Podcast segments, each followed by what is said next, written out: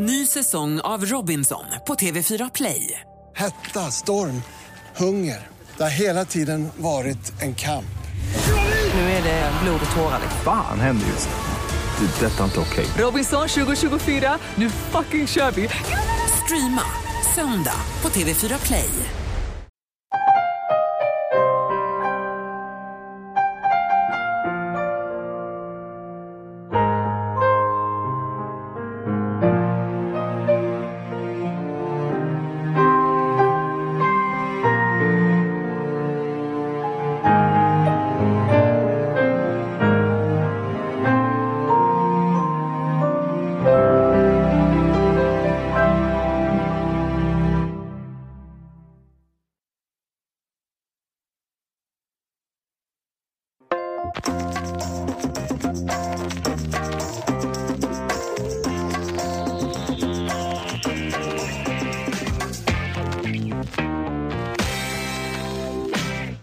Hjärtligt välkomna ska ni vara till Eurotalk. En morgon som började i dur för samtliga av oss.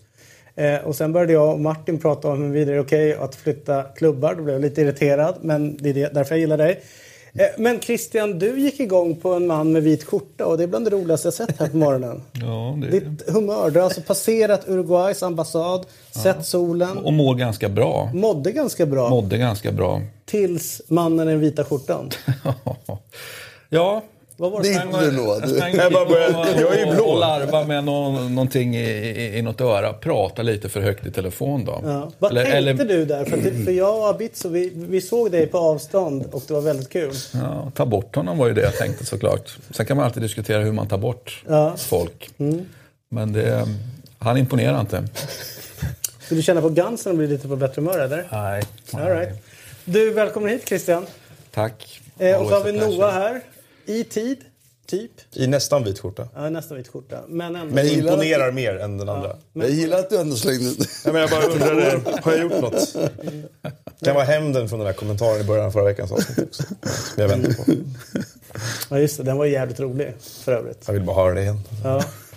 Eh, Martin, välkommen hit. Tackar. Eh, alltid lika härligt att ha dig här. Du får liksom igång min dag på något sätt. Ah, alltså jag vill bara förtydliga. Jag var inte för en klubbflytt. Jag var bara inte lika emot, mycket emot det som du var. Men jag tycker det är smutsigt att flytta klubbar. Du föreslog att PSG skulle spela i en ny stad varje år förut. Ja. Ja, gärna i USA. Kan du inte flytta hela skiten dit så? Men du, vad skulle... Vad, en, Abitso, välkommen hit. Här har du handen. Du har, du har varit saknad så inåt helvete. Det var ett tag sedan nu. Vi ska alldeles strax gå in på dig eh, och massa frågor. Men, eh, men Martin, okej, vi har det här då. Låt säga då att eh, eh, Liverpools ägare känner så här. Okej, vi kallas fortfarande Liverpool och alltihopa, men vi ska börja spela våra matcher i, i Boston. På Fenway Park. Eh, är det okej? Kommer du... Eh, Alltså är det lagligt okej kan man inte säga så mycket om det. Och jag tror att om de gör det så gör de en svindålig affär. För de urvattnar allt av värde som Liverpool har. Och det är det jag försöker säga till dig. att Det finns ett värde där supporterna är. De som håller på att flytta, låt dem hålla på med det då. De kommer aldrig tjäna på det i slutändan. Och jag tycker att någonting går sönder inom fotbollen varje gång vi ser en sån här flytt. Typ som AFC eller om det är om Dalkurd flyttar så blir det också knas för mig. Ja. Men det är ju ett rimligt antagande att det kommer ju ske på det där sättet som egentligen redan har skett. Att du har ett Ajax i Kapstaden och så. Alltså det kommer ju komma ett Liverpool som heter Liverpool Boston då i sådana fall. Mm, ja, Jag tror jo, ju inte att risken är att det finns... Sjukast är ju City och kolla vad de har för olika... Exakt, lite city överallt. Det är väl snarare det som är grejen. då. Melbourne eller Sydney har de väl något. Yokohama Mariners. Eller Mariners. Mm. Och så har de i eh, Brasilien ett lag. Och New York. Exakt. Och sen så är i England. Ah, ja, så är det. Vi ska inte prata om tråkiga saker. Och de har ett lag till. Som vann någonting nyligen. Och nu deläger de dessutom eh, Girona i Spanien också. Ja, På något sätt. vad härligt. Eh, låt oss gå vidare, Noah. Och... Nej, så- Ja. Till Abitso, välkommen hit. Tack, tack. Eh, härligt att ha dig här. För de som inte känner till, eh, håller på Napoli. Ja. Vi kommer från Borlänge från början. Jajamän. Så att när jag går igång här på Dalkurds flytt så vet du vad jag pratar om. Absolut. För du har varit inne i den. Eh, pluggade i Serie B. Eh, Kan man säga. Eh, alltså i Karlstad. Man jämför med KTH här. Exakt, men nu befinner du dig i Serie A. Med det sagt så kan ju Serie B vara bättre. Är. Så är det ju ibland. Det var ju över 30 000 på plats i en Serie B-match i helgen. Till exempel. Eh, vad är det i, eh, med Napoli som är så speciellt som gör att du har fastnat? Ja, det är ju, man är ju född. Det, har jag dragit många gånger. Farsan är ju därifrån, familjen är därifrån. Så det vore ju ologiskt att inte hålla på. Mm. Är du nöjd med, med som det ser ut nu i klubben? Det får man väl ändå säga. Sen eh, ska man ju räkna ihop notan i slutet av året. Men eh, det ser väl okej ut än så länge. Mm. Det blir en tredje plats till slut. Förmodligen. Ja. Direkt plats Champions Tänker League. och om nästa år, då jävlar. Blir det ingen nästa år? så. Men, det är, men, men vissa saker, vissa tendenser är ju kanske annorlunda nu än vad de har varit de senaste tio åren. Men det är... Mm. Kollar han vad irriterar sig på den kommentaren nu? Nej, absolut inte. Sitter ni där i det där hörnet? Som eviga Du får losers. ju en, eh, lite svar på fredag. Väldigt spännande. När Juventus... Eh, det blir ett stresstest av Juventus på riktigt. Juventus har ju trots allt tagit, om jag räknar rätt, en poäng mer i år vid samma, Mm. samma antal matcher som förra året. Som har egentligen gjort en väldigt bra höst. Ja, de, är gjorde sjuka ju. de gjorde en jävligt dålig höst förra året. De har Nej. gjort en dålig höst i år. De gjorde en bra höst förra året. Och två år sedan gjorde de en Två dålig. år sedan. Har det två år sedan? All right. Låg efter med 10 poäng efter typ All right. sex matcher. Sen tog Så förra året gjorde de en bra höst. Det är ju bara, men de går ju upp nu mot Napoli borta och så har de Inter hemma. Mm. Det är nu de normalt sett steppar upp. Och gör de det så är det ju Det är en århundradet. liten del i mig som önskar att de torskar de två så att... Eh, Det blir spännande. Så att Allegri out. Så blir de av med honom. Så han går till Chelsea sen då? Apropå bli av. Det är ju det som kommer hända. Svår sits. av. Vi kanske ska lyfta det då om nu Montella får Ja gå. men exakt, för Montella har ju fått, vad vi förstår, har ju fått det. eh, foten nu. Ehm, Gattuso kommer in. Ni då som kan er fotboll. tal om klubbar som flyttar så var han ju, vad jag förstår, på riktigt figurerade i AFC. diskussioner som rörde tränarposten i AFC innan de anställde Jolly. Och nu tränar han Milan. Det går fort. Ja, det går fort för fotbollen. Eh, vad tror ni om eh, Gattuso till eh, Milan? Vad säger du Martin? Jag vet för lite om hans tränaregenskaper faktiskt. Vi får se. Han har ju varit i U, eller Primavera-laget nu. Eh, var väl inte super i Pisa, det kan ju Christian berätta mer om. Ja, Det avslutades ju i alla fall inte på bästa sätt. Men där hade han ju problem med en klubbledning också som eventuellt, eh, det, det var ju försäljningar och pengar var slut och allt möjligt. Så han hamnade ju lite illa till där. Han gick ju upp i Serie B med dem. Men sen så fick han ju lämna i Serie B. Och då var det väl inte så, alltså det är svårt att skylla på honom bara där. Det var väl kanske andra grejer. Men hade han å andra sidan varit en, en briljant tränare, då kanske han hade löst situationen ändå. Kanske. Sen är det ju besynnerligt Milan som ändå har varit liksom världskända för att ta hand om de, eh, vad ska man säga, de äldre och, och liksom lyckas behålla den här Milan-mentaliteten. Och många som har spelat där har ju alltid en viss känsla. Som har ätit upp Cedorf, de åt ju upp Inzaghi och nu får vi se vad de gör med, med Gattuso också. Så att det här gamla gardet som någonstans skulle liksom flytta in och driva Milan som klubb vidare har ju inte lyckats jättebra. Jag tror inte bara det är deras fel heller. Ja, det vore ju helt absurt om man sitter säsongen nu kan man tycka. För jag menar, alla, är ju, alla är överens om såklart att det spelar ingen roll hur mycket Milan han är, hur mycket Grint han är. Det är ju inte tränare av den här kaliber som ska vara med och ta liksom, Milan tillbaka till toppen. Så att, ett rimligt antagande är ju att det blir en ny tränare, ett mycket större namn. Inte i sommar, utan det måste ske innan där. Det är jag helt övertygad om. Nu får det väl gå lite jul och nyår kanske emellan då. Men, men eh, ja, vilket härj. Det är inte utan att man får lite David Unsworth-vibbar. Han, Vad stor han har blivit, alltså fysiskt. ja, enorm. Eh, men att han får jobbet för att han är Milan. Det är USPen. Liksom. Han kan Ja, delvis är det så, såklart. Alltså, Ja men det är klart. Alltså, jag menar, men, Förhandlingsläget för dem, om det nu är så som Christian säger, att det kanske är på ett, liksom ett interim, att det, det ska ta slut någon gång. Så kan det ju vara lättare att ha en sån diskussion med Gattuso som någonstans vet. Och, och kan acceptera ett sånt läge mer för att, för att han har någon form av historia. Visst. Du, eh, du sa ju att familjen är från Neapel. Eh, hur mycket gläds du åt eh, den här ökenvandringen som Milan är ute på nu? Ja, Jag har ju en kusin som håller på Milan så det gör ju mig mycket glad såklart. Eh, det finns ju trots allt en väldigt... eh, Det är ganska vanligt där nere även om man inte tror det att, att många håller på andra lag och vanligtvis de stora nordlagen. I synnerhet Juventus är ju poppis eh, med tanke på folk som har jobbat. Ja men det, så är det ju bara. Se- Sen är det ju så att de tvingas ju, vilket jag också kan tycka är lite lustigt, att leva lite tillbakadragen eh, vardag då. Eh, Men då och då blommar de ju upp. Men, men Milan-fasen har ju verkligen levt i skuggorna där nere nu ett tag och det gör mig ingenting. Nej. Så ogint av dig. Eh, vi, eh, vi brukar ju plocka ut någonting som heter Status Solari. Eh, alltså en, en spelare som är lite bortglömd. Eh, och nu är vi framme vid bänkspelare nummer två. En back, en reservback är det, som sitter på bänken. Eh, och eh, Vi valde just ett mittfält i det här programmet. Nu sitter vi lite i skiten här. ja, det är du som har den. Nej, det är det inte. Kan vi inte köra mittfältare istället då? Vad sa du? Vi har ju pratat mittfältare. Vad är det direktiven? Jag trodde det var en... Då tar vi mittfältare då. Bra. Kör. Ni börjar. Nej, nej. Behöver ni tänka eller? Ja. Ja, men du får presentera. Ja, jag kan presentera honom även om det var Christians... Eller det kanske var mitt Det var förslag. ditt förslag. Ja, det var det kanske. Ja. Vi, eh, du förde in mig på tanken genom att prata om en bänkspelare i Lazios lag som eh, Sven-Göran Eriksson eh, vann, vann eh, Scudetto med. Och då, tog, då tyckte du, valde du en spelare, men jag sa att för mig var den enda spelaren som förändrade. Kan du lyssna istället för att Ja, ja, nu har vi bestämt oss. Kör. kör. Ja. Ja, den enda som hade, Lazio hade, som för Lazio var ju otroligt tråkigt. När var det här? Jag zoomade man ut. guldet. Ah, okej. När man 2000. guld. De var otroligt tråkiga att kolla 2000. på faktiskt. Det var ju en eh, svennisfotboll liksom, med pressunderstöd och Heter han Fusio eller? Heter han? Foser. Foser. Vem är Foser. det? Diego Foser. Är det han du pratar om? Nej, det är Ivan de la Peña. Ja, fast han var ju fin ju. Ja, Alltid. va? Ja. Men han är, är, var en bänkspelare i, alltså, sett till vad han, han var ju jättebra i, i Espanyol sen hela sin karriär. Men det var ju inte där han skulle vara. Han var ju den, han var ju den värdiga, ar- eller värdiga, den första arvtagaren på riktigt av Guardiola. Han, var, han är jämngammal med mig, så jag mötte honom i ett u kamp Men han var ju den absolut bästa i den kullen väldigt tidigt. Alltså, tillsammans med Raúl, men stannade av helt utvecklingen. Får jag fråga? Var han snabbare eller långsammare än dig första 30 meterna? Långsammare. Långsammare. Men mycket bättre tekniskt sett.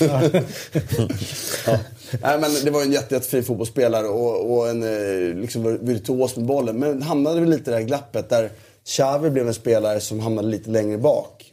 Medan De La Peña fortfarande var lite längre fram och skulle vara den här kreativa. Det var inte tillräckligt liksom, effektiv, liksom, skapade inte mycket. Det var därför han inte spelade ordinarie Lazio. Fast han var den enda, tyckte jag, som... Ja, Mancini förstås på topp då, men på mittfältet som bröt mönstret rejält. Så för mig är det en, eh, det är en liten bortglömd supertalang. Sen hade du lite side stories. Ja, jag är väldigt svag för honom också då, måste jag säga. För jag tycker det finns något liksom, sorgligt över honom. Att han inte pallar det Barca som Vi pratar som en många- spelare som spelat typ fan, 12 säsonger i La Liga. Men inte där som Han är ändå sorglig. Ja, Nej, men jag alltså- håller med Christian. Jo, men det är ju så här, han, han skulle ju, alltså han var ju tänkt som stjärnan i ett, i ett, i ett visst läge eh, för, för Cruyffs Barcelona helt enkelt. Och, och, och höll ju inte måttet får man väl säga, eller pallade inte. Och det är väl inte alla som pallar Cruyff, det är, inte- det är, det är inte så konstigt om man inte gör det. Han gjorde det inte. Eh, fin detalj tycker jag är, som jag är också är sjukt svag för, det finns det inget sorgligt över utan bara stor glädje. Det är ju att han är ju från, hans familj är ju restauratörer helt enkelt. De har restaurang som verkar väldigt, väldigt sympatisk i Santander. Som, om jag hade åkt mer till Spanien än vad jag gör så hade jag bara åkt direkt dit och gått och käkat på den här restaurangen. För den verkar så jävla trevlig. finns hemsida och allt möjligt så det är bara att, att google away. Ja, vad härligt. Tack för det, Ivan de la Peña.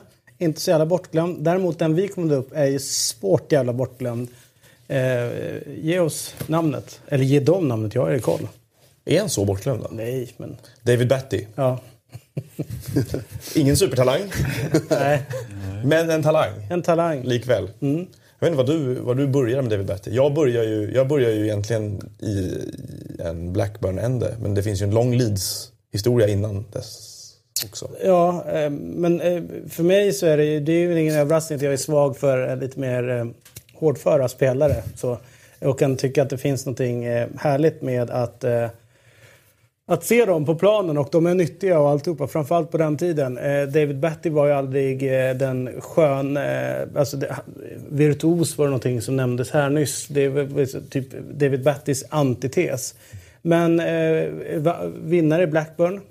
Och sen Eh. värvad till Newcastles satsning på att efterträda dem som mästare och med i det här laget som sumpar två ligatitlar 96-97.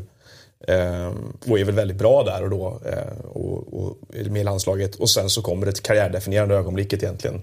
Som ju är där man, ja, jag vet inte, det beror väl på vilka sympatier man hade i den matchen. Och den match som formar mig väldigt mycket som fotbollssupporter i och med att vi har pratat om Simeone här en gång. Att jag alltid har, alltid har haft liksom en lite, lite motstånd mot Simeone som spelare efter den här incidenten med David Beckham. Nu har jag lärt mig uppskatta honom väldigt mycket som tränare istället. Men eh, där David Batty missar ju straffen i den där åttondelsfinalen i VM 1998. Och eh, han har långa armar, kom ihåg han och Paul Ince hade långa armar båda två. Eh, det är på en väldigt snygg matchtröja hade England också Mm. den tiden. Umbro. Han ska ju inte slå straffar, det är min spontana. Nu kanske han slog många straffar, men det första jag tänker är hur kan han få slå en straff? Det Ingen känns- engelsk spelare utom Shearer borde ju slagit straff. Lee, Egentligen, var det inte han och Lee Boyer också som gick head to head? Nej, det var Dyer Boyer. Dyer var det. Men ja, det är Batty och sen för, efter det så är ju Batty, blir det ju svårt med David Batty. Därför att eh, man är arg på honom för att han har missat straffen eftersom han höll på England i den här matchen. Och samtidigt så är man ännu mer arg på alla argentinare för att de fuskade i den matchen tyckte man. Pochettino var med i den matchen för övrigt. Fan vad arg du måste ha varit. När jag tänker på, så här, på de här italienarna som, jag, som har missat straffar. De har ju verkligen eh, åkt ut på straffar i VM. Jag har liksom aldrig varit, jag har ju snarare tvärtom varit lite, varit lite ledsen och deras vägnar. Men typ Di Biagio och Baggio och allt det där. Men, men någon ilska kan jag inte säga att jag har känt. Är det här i laget som han... Nej, det är, det är vårt. Jag, var, ja, jag vet inte vad men, men David Batty blev, han lämnade Newcastle i samma veva också för att gå tillbaka till Leeds och då blev det väl ännu mer sådär att... Men sen var väl han i Leeds eh, där början på 00-talet när de eh, gick ganska långt i, i, Och var Champ- bra. Ja, i Champions League och var väldigt bra. Alltså, David Batty var inte en dålig fotbollsspelare men han hade ju två sidor utav myntet. Han kunde vara en elak jävel men han kunde ju spela, Spela fotboll också. kunde ändå spela fotboll någonstans. Så att eh, David Batty ställs mot eh, Ivan de la Peña. Eh, Och som du ser Abitso så är det ju ett eh, hårt arbetande lag vi har fått, eh, fått till där. Jag och Varför är. Moyes på väg att bli president i vårt lag? Det är ytterst oroväckande. Jag noterar att jag är på väg att bli sportchef. Ja, nej, så illa Bonchi-skägg, ja. Det skriver Ja, jag nej, på. vi, eh, vi rullar vidare. Eh, status Solari. Gå in på, eh, på, eh, under hashtaggen Status Solari på eh, Twitter. Nominera en spelare som är bortglömd så kan du vinna en, en tröja eh, med din eh, favoritspelare på. Eh, blir jätteintressant det där. Europatipset rullar vidare och vår tävling gör lika så. Eh, Fjäll 10 poäng den här Oh, veckan. Hade jag bara åtta? Det känns som en bra vecka. Eh, och eh, Martin 8. Christian då 5 med en svår, svår, svår kupong. Eh, och Noah Bachner 8 och Gusten 8. Du Antonio, Vände jag Sevilla? vad, vad säger du om Gustens frisyr? Ja, den kostar nog en del. Ja, Om man kollar på sin egen i alla fall. Så. ja precis. Men eh, jag kikar lite här på min gode vän Christian. Borde han inte få lite extra poäng för det krysset va? Jo, han ska ha rätt på krysset där. En, två, tre, fyra, fem. Han ska ha sex rätt. Exakt, vad, här, vad skönt att ha eh, bara backup. Det kollar du inte på själv. Nej. Jo, alltså, vi har, jag har faktiskt redan diskuterat det med dem där ute att det krysset satt. Men eh, jag måste erkänna att jag superglodde ju inte på, på krysset just nu. Men det borde jag ha gjort såklart. Jag skyller på att jag är färgblind. Ja, nu gäller det att alla går igenom sina rader och kollar så att man är... Christian ska alltså ha sex rätt. Jag har mina tio rätt. Martin åtta. Jag, tror Jag ska du- ha åtta jag också. Ja, och Gustav. Vad synd den där eh, tvåan på Arsenal faktiskt. Den kändes skönt att ha krysset där. Nu ser jag att ni är många som har insåg det. Ja, det var en riktig... Vad var det? 92 minuter en liten straff. Var det inte liknande grej förra året mot Burnley också? Någon, någon sent avgörande. Jo. Det var borta också, eller? Nej, ja, de hade ett sent avgörande. Det har jag också eh, förstått att det var. För det var ju fler som sa det. Ja, ja. Jag minns inte själv. Låt oss, eh, låt oss kolla ställningen då. Och då ska vi veta då att Christian ska ha 95 poäng. Man närmar sig sakta men säkert Martin. Nu, eh, jag släppte ju upp Mm. Martin och er andra tidigare men nu börjar man komma igång.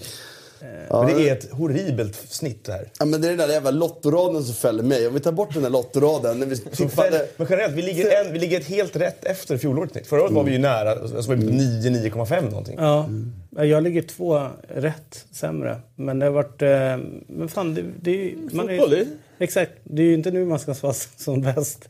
Det är när det drar ihop sig. Mm. Med Champions League-finaler och annat. Eller hur Christian? Absolut. Februari, mars, mars. Så är det. Kommande, det är ju veckomgång också som jag ser fram emot nu också. Därför att ibland kan de här uh, mitten på veckan vara lite stökiga. Men nu är det ju Vilka är det Full omgång i eh, Premier League. Premier League. Så Men då andra, landar ju Premier League in. Ah, det blir säkert några eh, Championship-matcher också, men de är ju ganska Mm. lätta att sätta. Ja, jag har dåligt på. jag spelar på Wolves. Du, fan vad kul att du säger det. Måndag den 4 december 2045, kickoff. Wolves mot Birmingham. Det är en match som man inte vill missa. Nej, det kan jag tänka mig att se. Nu är det 4 december här för att jag var borta på någonting. Men... Ja, lägg in den i kalendern. Det är ju sån... eh, För de Copa bruk- del Rey har du samma dag här nu i veckan. Ja, den är inte så jävla rolig. Nej, det för det är omspelet i Copa del Rey och den är ju ganska så... Eh, jag tror att det är Barca mot Murcia och där vann ju Ja, Barca är, ganska stort först. Ja, det är för, för, än så länge för dåligt. Copa del Rey är ju en, annars den roligaste cupen att följa. Typ. Där har du fel. Svenska cupen. Nu hyllar du din egen rättighet här Vi har inga rättigheter på fan-tv. på SVT. De har inga rättigheter till Svenska cupen heller. Hade då? Ja, men hade. Då, då spelar det ingen roll vilka ligor jag hyllar. Då har vi SVT haft Vem, rättigheter vem den ställde ändå. Svenska cupen i vår då? det, det är ju de eh, på Tegeluddsvägen, eh, alltså also known as Seymour eller TV4-gruppen. Mm. Eller TV4 Broadcasting Group. Jag vet inte vad de heter. Jaha, Så är vad tråkigt. Ja. Vilken är den bästa kuppen att följa då? FA. FA, säger du? Ja, jag vet faktiskt inte vad jag ska Eller svara ja, räknar vi allt så tycker, jag- då tycker jag nog att Europa ligger roligast. Jag tycker Champions League är absolut är roligast. Men vänta, nu bra inhemska kupper, inte här- Inhemska, Ja, ja, då jag är är FA. Ja. Jag håller med. Jag håller Copa del Rey högre för att det är dubbelmöten. Så det blir lite roligare matcher. Det blir bättre lag eh, och mindre... Ja, är bättre fotboll tycker jag då.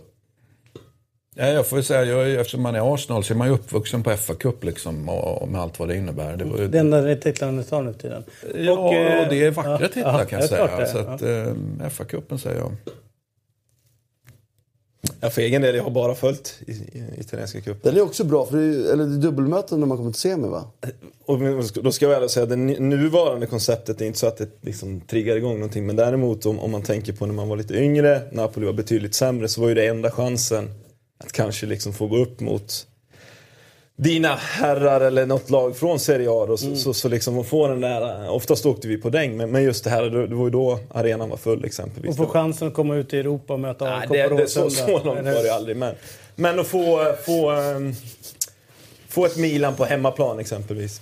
Ja. Eh, Men, men det var ju några år sedan. Nu var det Du, du, precis, du är för ung för att minnas de åren när det faktiskt var titel. Exakt. Nej, Där så- finns det ju också något väldigt vackert apropå Napoli. Napoli var ju första laget och, och det har väl inte hänt efter det heller som, som Serie B-lag också vann cupen. Det, ska ju, det är ju viktigt att, att, att ta del av den historien. Härligt! Eh, våra intron är ju långa. Eh, och, Fast eh, ändå för korta. Ja, så kan Nej, det de också för vara. Och, eh, eh, eh, kilometerna är ju långa och många. Men inte alls för många. Nej, Eller? det kan inte bli för många Nej. faktiskt. Vi tar tid på tiden och allt det där. Mm. Eh, men nu är det dags att ta oss till eh, landet med de härliga dalarna och, djup, och, och de, de höga kullarna. Jaha, där gröset, där, där gröset ligger gränt. Gräset. Jag tänkte jag säga, Gräset är det, ligger är det, var så jävla grönt här de sist. Ja, det är klart är det fortfarande det? Ja. Landet där när vi vinner sjunger vi salmen Jerusalem. Ja, det är bra grejer. Och det kan ju bli aktuellt nu för vi möter ju eh, Australien borta i Mm. The Ashes. Då kan det bli en Jerusalem när, de, när vi kommer hem. Ja, ja, ja. ja. Till the green and pleasant England. Ändå i London man ska ha en eh, beäldre i, faktiskt. Ja, Fantastiskt. London är fullständigt Ska du också flytta nu? Det Det ska bli helt som en klubb. Har du, få, har du fått för mycket pengar Det är över? nya Dalkurd AFC, du bara flyttar. Nej, men jag har alltid tänkt så här att jag ska... Jag, först vill man ju ha någonting i, Italien eller Spanien att åka till, tänkte man. Men samtidigt vill man ju... Alltså för mig blir, vad, vad vill jag göra när jag är Jag vill kolla fotboll så mycket som möjligt. Och London Vad fan ska du göra det i England för då? Nej men London är ju fem eller sex klubbar, och, eller tio klubbar att välja. Och jag tycker det är också en här trevlig grej, att kunna åka till olika klubbar. Annars ska jag bo, jag kan ju inte tänka mig bo i, i Neapel eller Napoli och inte i Barcelona. Det är de två lag jag skulle vilja se mest. Men varför inte London? Nej, smart. Bra tänkt. Från London tar man sig lätt till Neapel eller Barcelona om man vill kolla fotboll. Tänkte jag. Och Rom då? Du, ta det lugnt nu sa Noah. Jo, ja, ja, nu frågar jag lugnt. Rom då? Nej men Rom har jag ju varit en stad tidigare. aggressivt. Jo då. Pass. Ja, det är många ställen bra. Men London, har, så här, London är underskattat lite. Det har varit en otrolig New York-hype tycker jag. När, där, jag, jag liksom, när jag var i New York sista gångerna kände jag bara, vadå? Allt där finns i Europa bättre. Det är franska ställen, det är spanska, det italienska. Då är London lika bra. När jag lärde känna Martin en gång i tiden för, för x antal år sedan, då var, då var det ju Puglia som stod eventuellt för dörren. Men det är, Eh, Pul- Puglia kommer jag åka till mycket. Mm. så att, eh, Men du kan inte bo där nere, jag kan inte se fotboll där, världsklass. men jag tänker du kan köra alltså, någonstans, alltså, Å andra sidan flyttar du till London och alla Londonklubbar har flyttat till Boston och så, så det är inte så mycket kvar. Men jag säger Salerno. Kan du inte köra Salerno då? Nej. Där har du Det blir inget med Italien. Nej, men, men vet du vad? Jag, faktiskt, jag, jag gillar ju verkligen Puglia, men man, för det var lugnt. Det är ordning och reda där nere på ett sätt som inte är Italien i övrigt. Eh, Då ska man upp i norra Italien, det är faktiskt förvånansvärt. Så kom man till Amalfikusten eh, i slutet av semestern förra året och, och bodde fem nätter. Och jag tyckte Amalfikusten är så vackert, men samtidigt är det ju kaos. Och jag kände att jag är lite för svensk för att orka det där kaoset liksom. Då är det fint att bo uppe i, i, i Sluttingen Raito kan jag verkligen varmt rekommendera. Om man ska bo någonstans. Man älskar ändå Eurotalk där man får kritik för att det är för långa intron. Och sen så kliver jag in och tänker börja prata om Och så kör han fotbollen. äldreboenden istället. Så börjar han prata om seniorboenden, precis. Och, och eh, Christian blir eh, passivt aggressiv. Och tar åt sig. Det är viktigt sig. vad man, ska, vad man ska göra på ålderns höst. Det vill säga, det, vad, är det, vad är man ska göra? Man ska sitta i en lada någonstans. Alltså, med en sån här lad, man ska, det är det man ska göra i, i någon slags skön, skönt boende. Och bara läsa böcker och laga mat och, och, och bara vara. Det, är- Kolla och fotboll kolla vill jag ju lägga till där. Och, och Jo, men det kan man göra på TV. Och, och Nej, du vet, det finns alltid ett lokalt lag som tränar. Och, Du skulle ju sluta när Totti slutade sa du. Ja, jag är, fort, gör du jag är fortfarande sugen faktiskt. ja, han är ju dirigent. England var det. Han är ju klubbdirektör. Är vi klara med boende och senior? Ja, du vet, så här, vår målgrupp för programmet, Antonija, det är ju lite yngre. Så att när, när de här börjar prata om seniorboenden så förstår man ju att de här börjar liksom fasa ut sig själva eh, från kidsens värld. Å andra sidan, jag menar det här har väl pågått så pass länge så de som var från början börjar ju kanske bli ett relevant ämne. alltså, Ja, det är fan bara jag som inte blir yngre. ja. Du, eh, vad härligt. Vad, eh, vad kul att du kunde komma hit. Då. Ja, just det. Ja. Så kan du, när vi pratar England nu.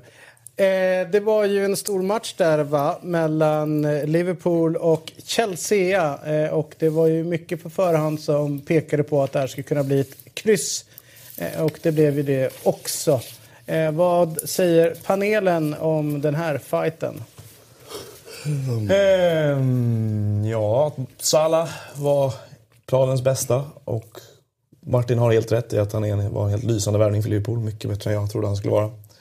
Jag älskar ju att han ändå, eh, trots en misslyckad sejour i Ja, ja, Chelsea, visst. visade en, en, eh, den här respekten. Han för- känns som en av de här 700 snubbarna som de bara har liksom filtrerat igenom vidare. ja. Det är inte så att Ke- Kevin De Bruyne inte jublar om Ja, det ju inte så att så många Chelsea-fans har blivit sura om han firade heller. Det som. Det, men eh, nej, han, han var förbannat bra. Imponerad av att Chelsea ändå liksom... Det, är, ju en kontegrej där att han hittar en väg tillbaka in i det där. För att det ser ändå liksom, luktar ju ändå lite 2-0 Liverpool innan. Och sen tar han in Fabregas som, som svänger matchbilden och viljan i t- två briljanta byten som, som ger dem möjligheten att ta sig in i det igen. Målet är ju lite turligt men Inte enligt William, som hävdar att det var med flit. han kunde inte hålla masken när han sa det.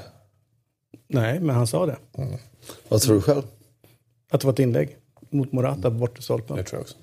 Eh, Men mål för mål. ja, vad säger Martin då, som Nej, jobbar jag- med den här rättigheten? Eh, Jag tyckte att det var en, eh, en rolig match. På många sätt ganska väntad på många sätt. För att tänka tillbaka, det är så länge sedan jag såg den här. Jag har sett massa matcher sedan dess. Eh, nej men och, och att eh, jag tycker att eh, som vi pratade om i sändningen då, att Salah är ju det kommer alltid, alltså han är ju i ruggig form just nu. Han kommer, det kommer alltid till en konkret när han har bollen. Eh, det blir alltid ett avslutsläge för honom, honom själv, honom själv eller någon annan. Och det, det är faktiskt... Det ska jämföras då mot Hazard som jag tycker är en bättre fotbollsspelare. Men som, det är mycket saker i aktioner på plan som är ruggiga för laget. Men det leder ju inte till lika mycket farliga poängmöjligheter. Så att, nej men sen tycker jag fortsatt att, att det är, vi pratar om det, det är ju beklämmande att se Liverpool. För de, alltså Klopp har fått till så mycket så bra med det här laget. Men, och det är synd, jag hade ju satt inför den här matchen så fick vi välja bort det för vi hade ont om tid mellan matcherna. Men hade varit mot Sevilla när Banega är två tillfällen med en rätt vän. Hur Liverpool-backlinjen är på väg upp fast Banega inte är under press. Ska jag visa på det? Ni fattar kanske ändå. Ehm, och det kommer löpningar mot backlinjen. För det första då, när du ser som liksom, försvarsspelare.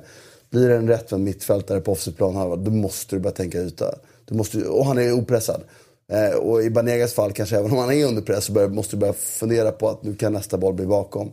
När det är dessutom nästa grej är att när folk kommer och löper mot dig, så börjar du också fatta att vänta nu, det här blir ju möjligt att spela. Alltså, du kan ju inte ställa dem offside någonting. Då måste man börja falla. Men ingen i Liverpool, på den bild, de två bilder jag tog ut då, tittar ens på löpningar eller yta. De tittar bara boll. Och det är ju ett kloppproblem vill jag påstå, rakt av. Eh, vi har sett det med, med Dortmund, där fungerade bättre, eller mindre dåligt i alla fall. Men så var det mot Chelsea också. Det är ju bara Hazards riktigt dåliga passning och någon annan än det var i Chelsea första halvlek som gör att Liverpool inte har två frilägen emot sig första halvlek. Och det är så, jag är så förbannad och så ledsen, för jag håller på Liverpool, att man gör an- För det är mycket svårare att göra det allt det andra Klopp har gjort. Det är mycket svårare. Men man inte kan få till... För mig, det, det går liksom inte att begripa.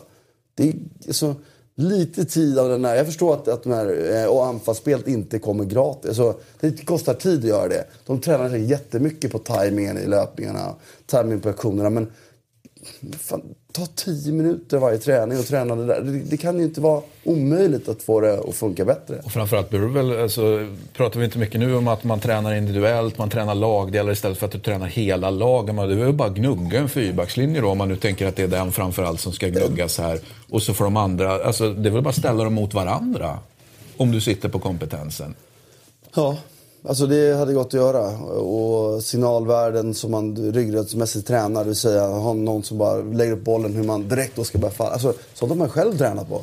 Jag Men jag, på- jag, jag, jag tror att jag skulle kunna gå ut och spela bättre positionsspel än samtliga den här backlinjen. Och det är ju, det är ju tragiskt faktiskt. Och jag tänkte Om du har på, på bara hur, apropå Milan vi pratade om förut, hur, hur, um, hur Zacke brukar köra där. Då brukar han ju köra fyrbackslinjen mot resten så att säga.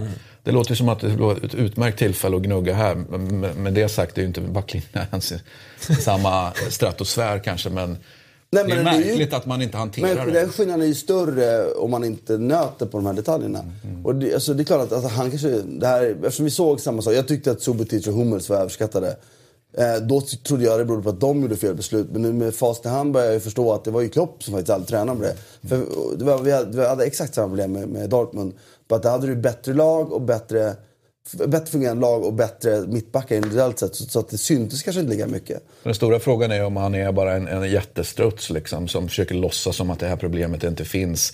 Eller om man verkligen inte fattar. Det är ju, det är ju de enda två eh, Men det var ju förklaringarna. också den här, jag tror kanske den här veckan är viktig för honom på något sätt. För att eh, Eh, det var inför Sevilla så pratades det mycket om att han hade korrigerat mycket av det här. Även om du läste det, att det var liksom, nu var det mycket bättre allting. Och de hade hållit nollan x antal matcher. Och han det- hyllades det nästan för att det är adressera ingen- problemen i Men det är försvarsspelet. ingen som tror på Och det. sen kom Sevilla-matchen eh, som ett slag i ansiktet med exakt samma problem som uppenbarar sig, liksom, gestaltar sig på nytt. Sådär, och då, Men- och då, och då, då, han, menar, han måste ställas till svars för det här. Och han, vad vad han sa, vad vi pratade om inför säsongen också, det här som jag har varit tillbaka till flera gånger, det är att vad han säger mellan raderna när han väljer att inte förstärka med dem, han gör när han väljer att starta säsongen med Moreno och Klavan som två realistiska startspelare i backlinjen.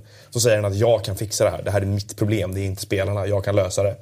Eh, och det kan han bevisligen inte. Att, Och eh, jag börjar svänga, såklart de här spelarna är, eh, är inte bra nog heller. Men att, att värva van Dijk, jag, jag tror aldrig det löser problemet. För det räcker inte. Du kan inte det är inte en individuell spelarinsats som kommer lösa det här. För om en börjar falla och alla andra trycker upp, då kommer det ändå ha ett problem någonstans. Liksom. Så att det är, jag svänger mer och mer till en kollektiv grej som borde... Alltså allt som man har förstått av fotboll borde inte vara allt för omöjligt att åtgärda. För sen om de gör ett beslut och faller och ändå blir mål för att de inte räcker till eller någonting. Då kan vi börja diskutera spelarkvalitet. Men om man inte ens gör rätt beslut. Ja, då, då, då spelar det liksom ingen roll vem man har. Det diskuteras ju också ganska mycket om deras målvaktssituation. Eh, hur ser ni på den? Eh, Det målvaktsparet de har. Han känns ju inte som att, det känns ju fortfarande som att meningen egentligen från början var, och det här är bara vad jag har uppfattat utifrån, var att Karius skulle in och ersätta Mignolet för att Mignolet hade flam, flamsat runt för mycket helt enkelt. Eh, men så höll inte Karius heller. Och så var Mignolet bättre när han fick press på sig och hade någon som jagade honom lite grann. Men att båda två hela tiden liksom mer eller mindre väntar på varandras misstag sådär, snarare än att man är riktigt säker på någon. Det är väl ett förvisso kanske modernare sätt att hantera en målsituation på och ha två som är riktigt bra som konkurrerar då, om de är riktigt bra. Eh, Men att man kanske hade... Jag tycker på tal om positioner som diskuteras utöver backlinjen så ibland när jag tittar mot Sevilla framförallt och deras mittfält. Eh, Jag har faktiskt en fråga om det, om jag får avbryta där.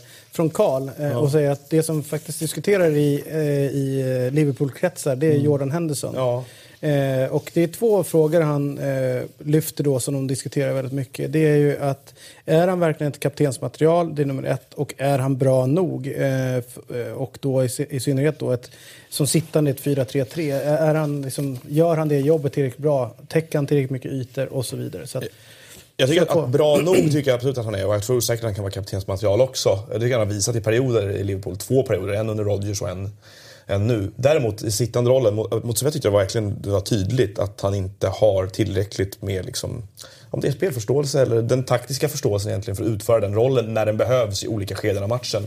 Där behöver de någon som inte lika huvudlöst kastar sig in liksom, liksom och försöker desperat skära av en yta till höger och vänster utan spelar med mer tålamod och kan styra och läsa saker bättre för att han hamnar för ofta ur position där och då det är ju en sån spelare som såklart också, om du har en backlinje med vissa brister så behöver du någon som skyddar den mycket bättre än vad, han- än vad en sån som Henderson gör. Och han verkar inte vara den spelaren. Wijnaldum verkar inte riktigt vara den spelaren. Emre Can har inte riktigt varit den spelaren heller. Så att eh, de behöver väl, jag vet inte om det är Keita som ska in där då, men, men det är inte riktigt adresserat nu heller för mig. Jag, jag tror ju, jag håller med om att det är ett problem. För det är också ett problem mot Sevilla att de alldeles för lätt spelar rakt igenom ett Ja. lågt, lågt sittande mittfält. För mig, är inte, det- för mig är det inte problemet att hamna lågt med ett lag. Då måste man skära ytor och det gör inte Liverpools mittfält bra nog. Det går faktiskt alldeles för lätt att spela igenom. Det tror jag inte är ett Henderson-problem som individ. Eh, lite att jag håller med, han, han har ju en tendens att jaga boll och titta boll.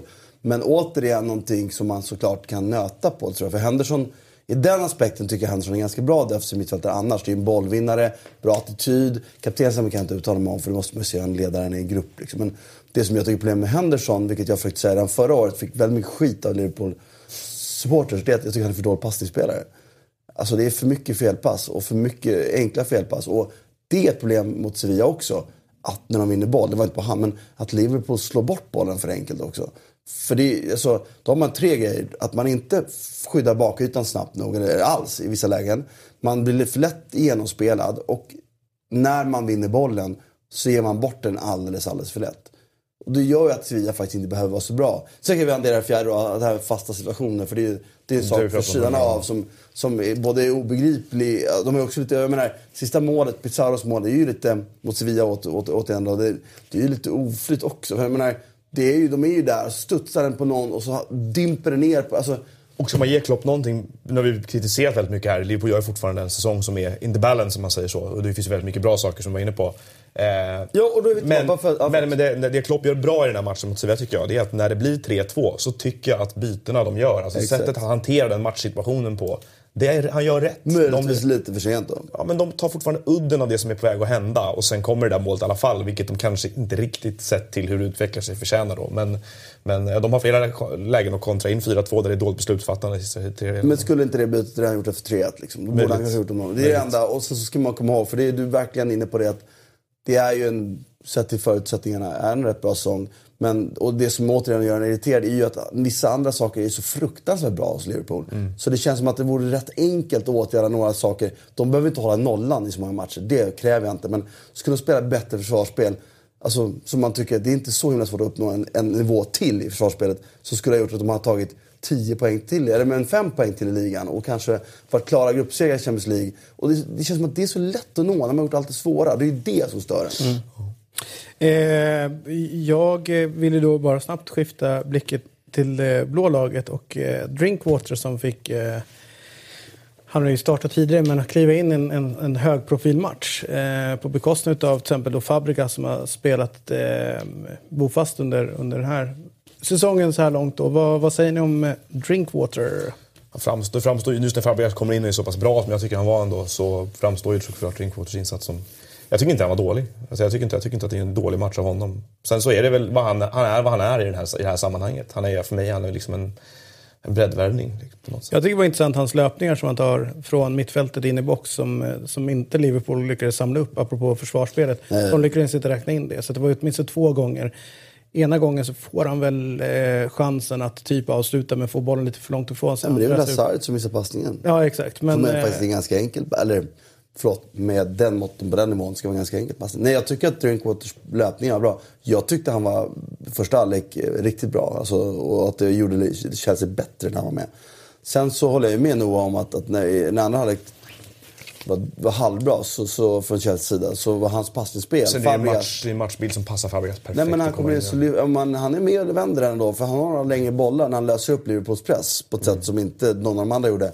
Men då blir frågan istället för till exempel som, som Bakayoko var inte bra. Nej, Du inte kunde alls. ta av honom då och så behåll Drinkwater kanske. Ja, Men det den ska vara- är tuff, den balansen där. För att Kanté är självskriven. Liksom. Det är någonting med hans insatser som höjer hela Chelseas insatser hela tiden tycker jag. Men det, det som då Drinkwater ska ersätta med Bakayoko är ju de här du pratade om tidigare. De här räckvidden. Alltså det som ibland inte... Det, det, det, det, som jag trodde att de skulle få Bakayoko. Men det får, det får de i den här matchen också. men, men mer. Nej, men alltså, nu pratar jag om det som inte syns. De här, han når in, han täcker större ytor med sin längd, och sin räckvidd och sin snabbhet. Sånt som inte betalar sig alltid det man ser. Utan man måste se vad, vad händer efter han har varit nära i nästa skede. Det ska Drinkwater ersätta och det är jag inte säker på att han klarar av. Och då kanske liksom, med Drinkwater, Fabregas och Kanté kanske, kanske blir eh, lite i hålet. Vad vet jag. Men det hade varit bättre att behålla eh, Drinkwater tyckte jag än, än eh, Bakayoko. Mm. 1-1 alltså och eh, efteråt så eh, var ju, så, jag tror att Conte sa någonting att eh, Liverpool hade tur eh, i det hela. Det, det är ju intressant sammanfattat efter den här matchen när jag kände någonstans att det eh, var inte så det- att, eh, att Chelsea hade otur i den här matchen. Eh, bara kort då, jag tycker det är intressant att se Lindelöf.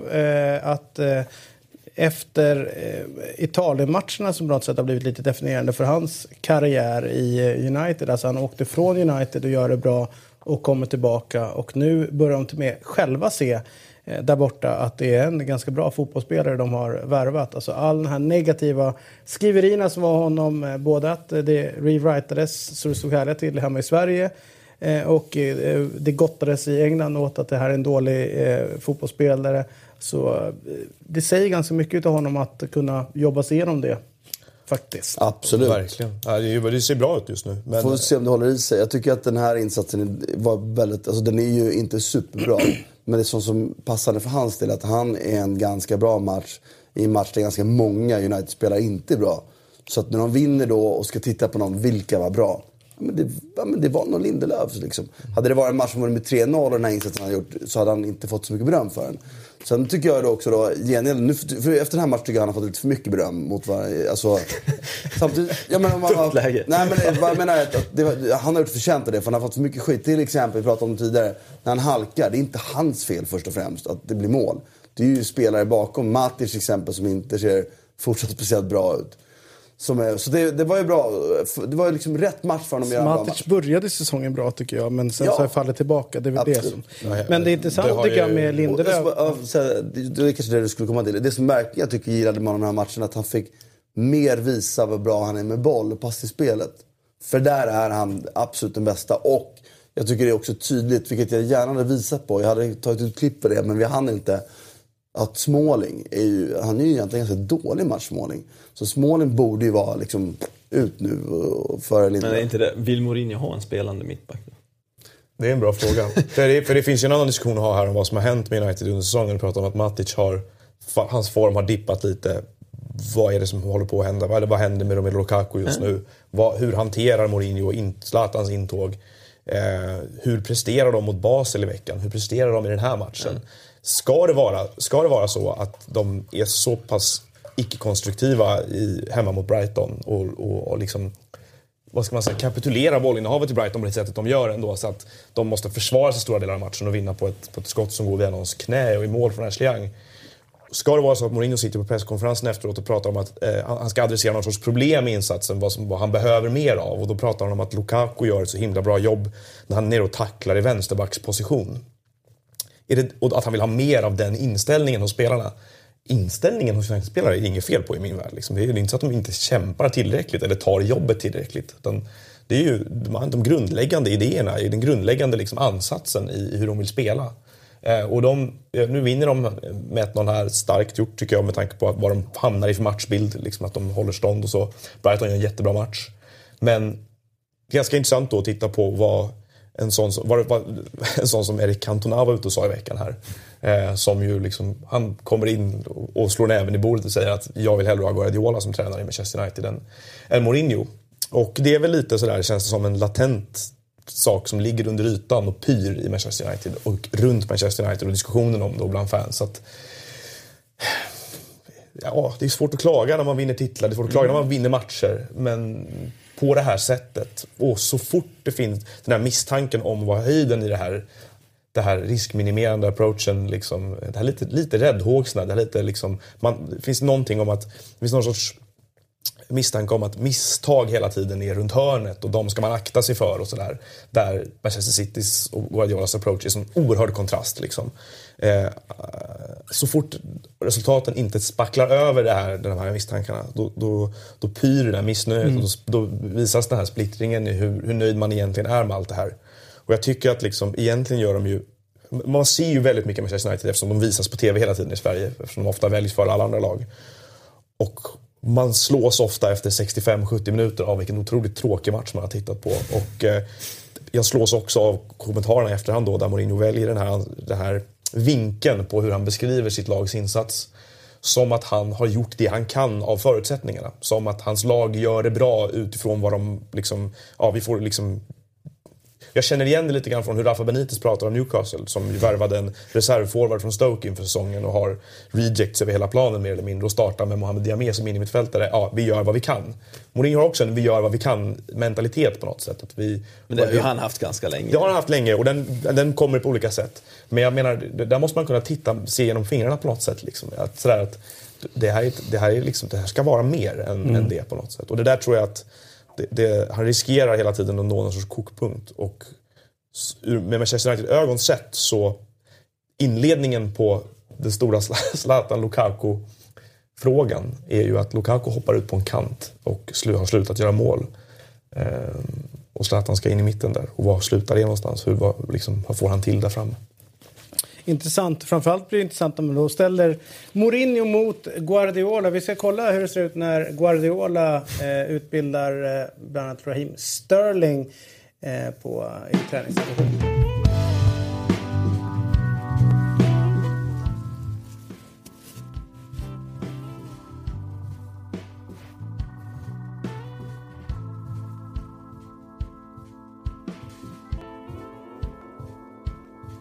Han ser inte ut att fatta någonting. Nej.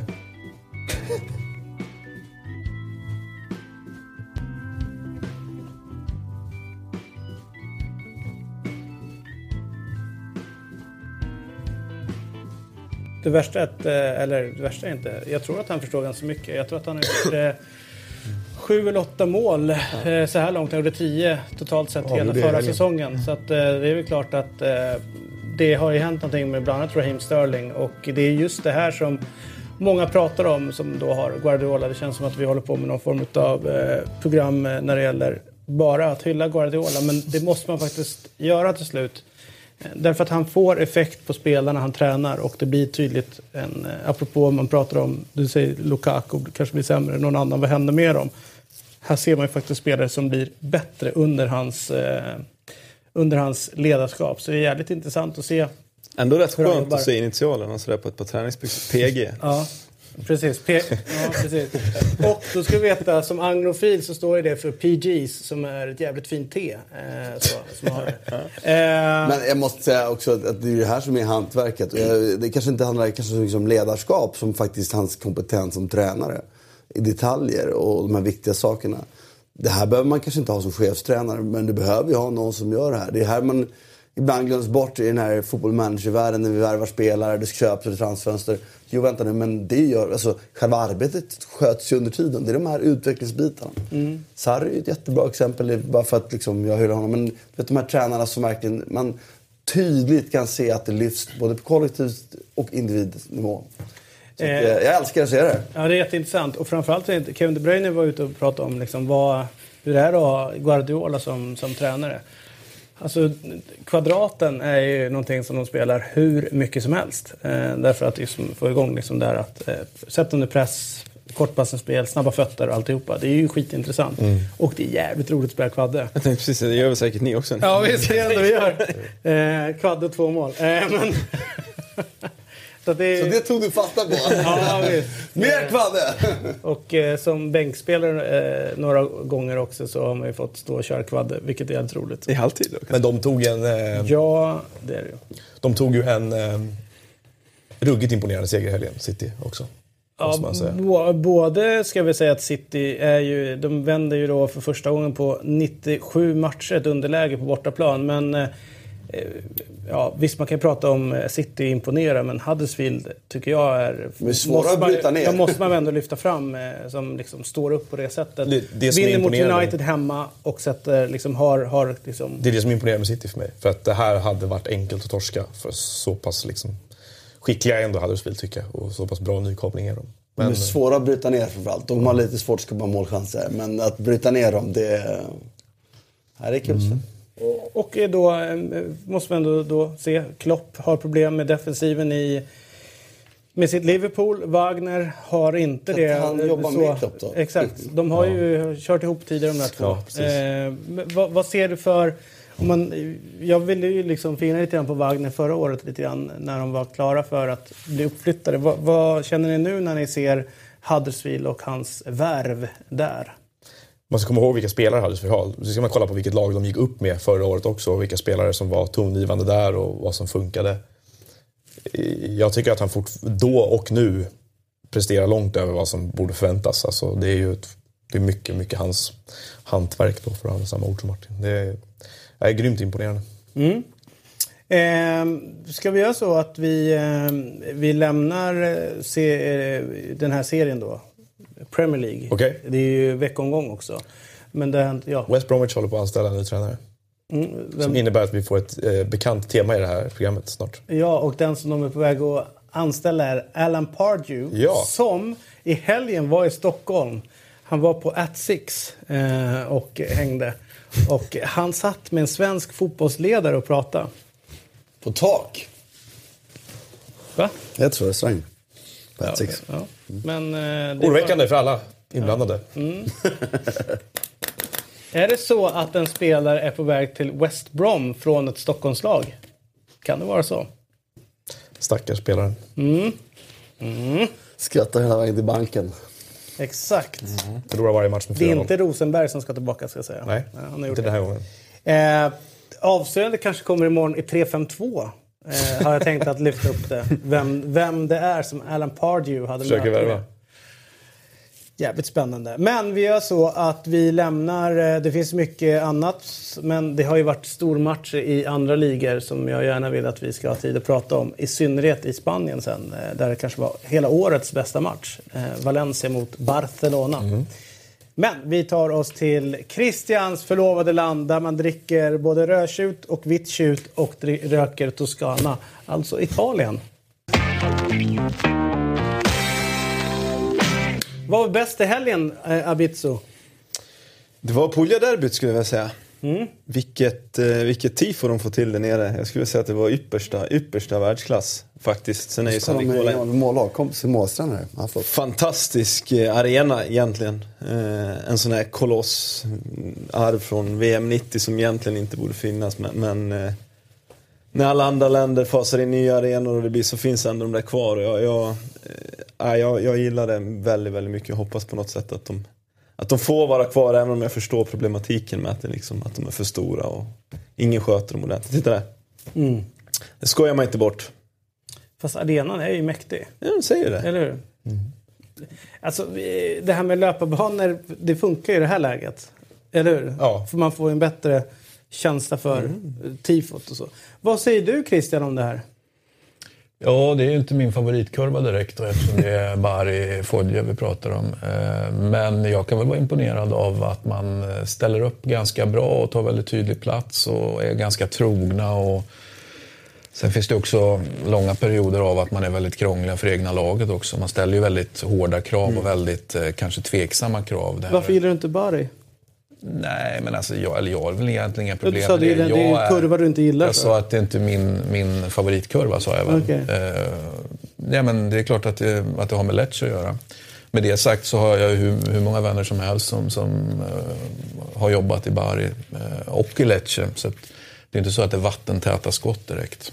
Det är alltså 30 000 pers på, en, på den här matchen i, i Serie B. Då. Då ska man säga att det hade ju kunnat vara fler också för det är fortfarande lite sen när det blir derby. Man stänger ganska mycket sektioner för att skapa luft mellan och så vidare. Så, så att eh, det hade nog kunnat få plats några till också.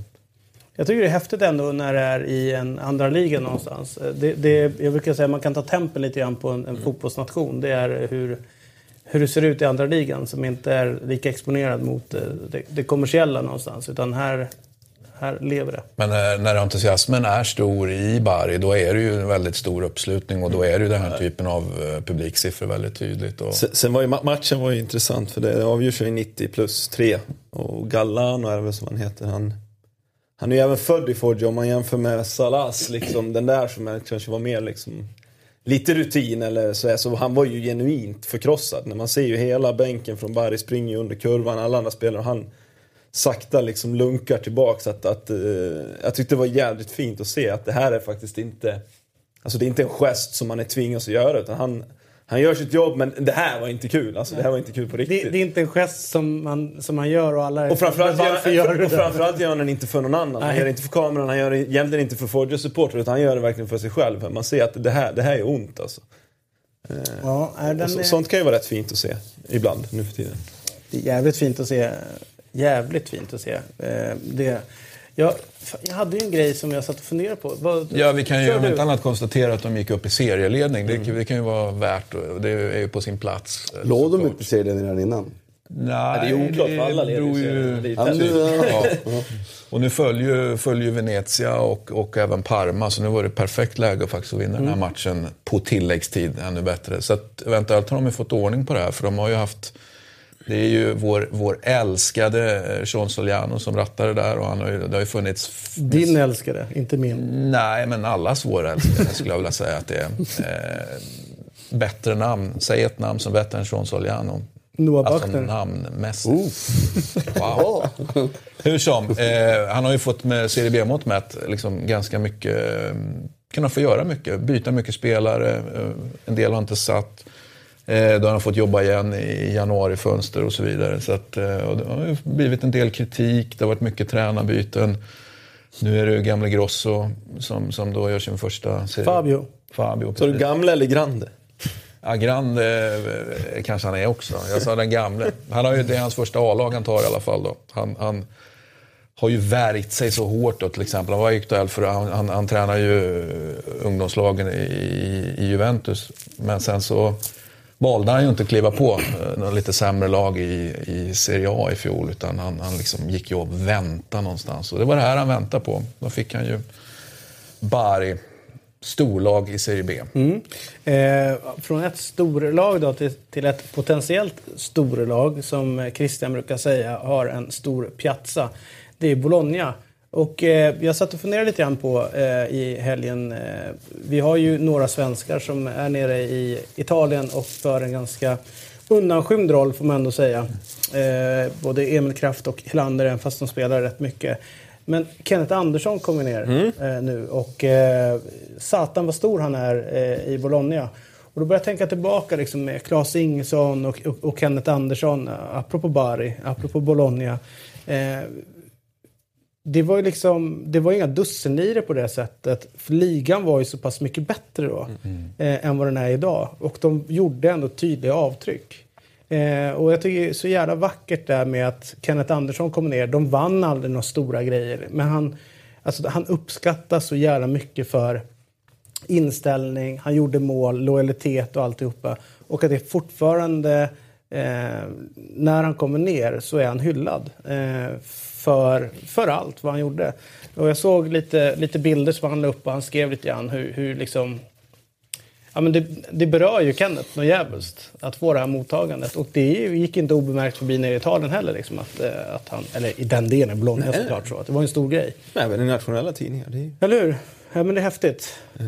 Visst saknar man det att, att i Italien ha någon, någon svensk, alltså inte Zlatan stort lite, där. och lite men någon som var liksom de, lite se, grann- de senaste åren har vi kanske rubrikerna snarare varit liksom jakten på den gamla svensken så att säga. Mm. För förut var det ju, var ju Italien väldigt bra på att hitta en svensk, få in och, och, och, och någonstans få honom att, att, att prestera väldigt bra. Det sen, på senare år, Ekdal går väl att argumentera för att det gick väl helt okej i Cagliari men utöver det, det finns ju liksom en bombmatta av, av svenska spelare som inte har lyckats.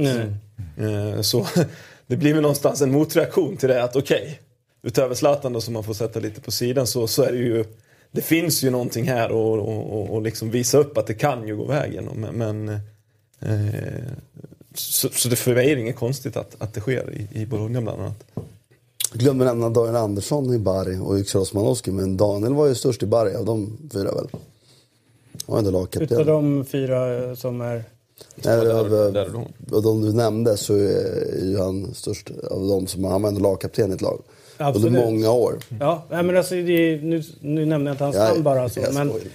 Ja, men det är ju jättebra exempel. En svensk som kommer ner och verkligen tar, tar plats och, och liksom gör, gör avtryck. Jag har ju det svårt att se de det- svenskarna som är där nu exempelvis vara i närheten av något Nej, och Daniel status. flyttade ju ner när han var, vad kan han ha varit? Han var ung. Han han var ett- 20-21 liksom. Var kapten när han var 22 eller 23. Så var väl Kiev också en sväng va, innan han kom, vände hem? Visst var han det? Ja, i Venezia. Venezia var han ju Men du- hans sista dåliga val i alla var han fall. också med i Venezia? Var de inte båda där? Ja, det minns jag inte. Vilka? Yxel var i Torino. Men eh, Där gick, gick, där gick det inget bra. Nej, men Daniel gick ju till Fiorentina när de gick konkurs. Det var ju annars hans flytt liksom. Men det är viktigt att, att konstatera att Yxel ju faktiskt eh, också gick bra i Bari. Han, han spelar ju faktiskt riktigt bra där, även om han inte spelar lika Han hade bra. ju mål mot Milan och sen riktigt fint. Kommer ihåg. Ja, Milan var. Milan. Och, The eh, original Zlatan, eller hur? Va? Zlatan är bara Yxel 2.0, det är väl så det är. Ja. och sen hade vi ju... Hittar ingenting. Om Daniel Andersson. Ja, men det står, hitta lagkapten. Alltså, Allt Han var lagkapten, ja. Han var lagkapten. Ja, han var lagkapten. Vi ska kolla vilka klubbar han hade legat i. ja, det var det du ville veta. Det du? Nu går vi Jag tror du ville vidare. veta var han var Ja, jag, vill lagkapten. bara nämna... Jag vill bara Bari, Venezia, Kiev och Ancona. Kiev. Nej, okej, var han bra. Puh, vad man satte. Och så har vi i Benevento nu så har vi ju Samuel Armenteros. Mhm. Eh, Jag har ju, nu har ju de tyvärr match idag mot Atalanta men han ska ju vara med här på Skype in eh, och då kan vi prata om 6, 33. 0 eh, segrar, 0 kryss, eh, 13 förluster, 6 gjorda och 33 insläppta. Det vill han säkert. Nej men det är ju intressant att se vad fan händer i en... Stor alltså- intervju om hur dåligt det går. Nej men eh, han går ju från, eh, han går från en, en liga eh, där han ändå eh, gör sitt namn. Han eh, ligger högt upp i skytteligatoppen och alltihopa landar in här. Och det, jag tycker det är svinintressant att se hur de hanterar den här situationen. Eh, för att det är ju, det är ju ingen som trodde att de skulle gå jättebra och så. Men, eh, men, Men så hur här, dåligt är det här? Liksom? Det, det är fruktansvärt. Jag vågar Det är ju rekord.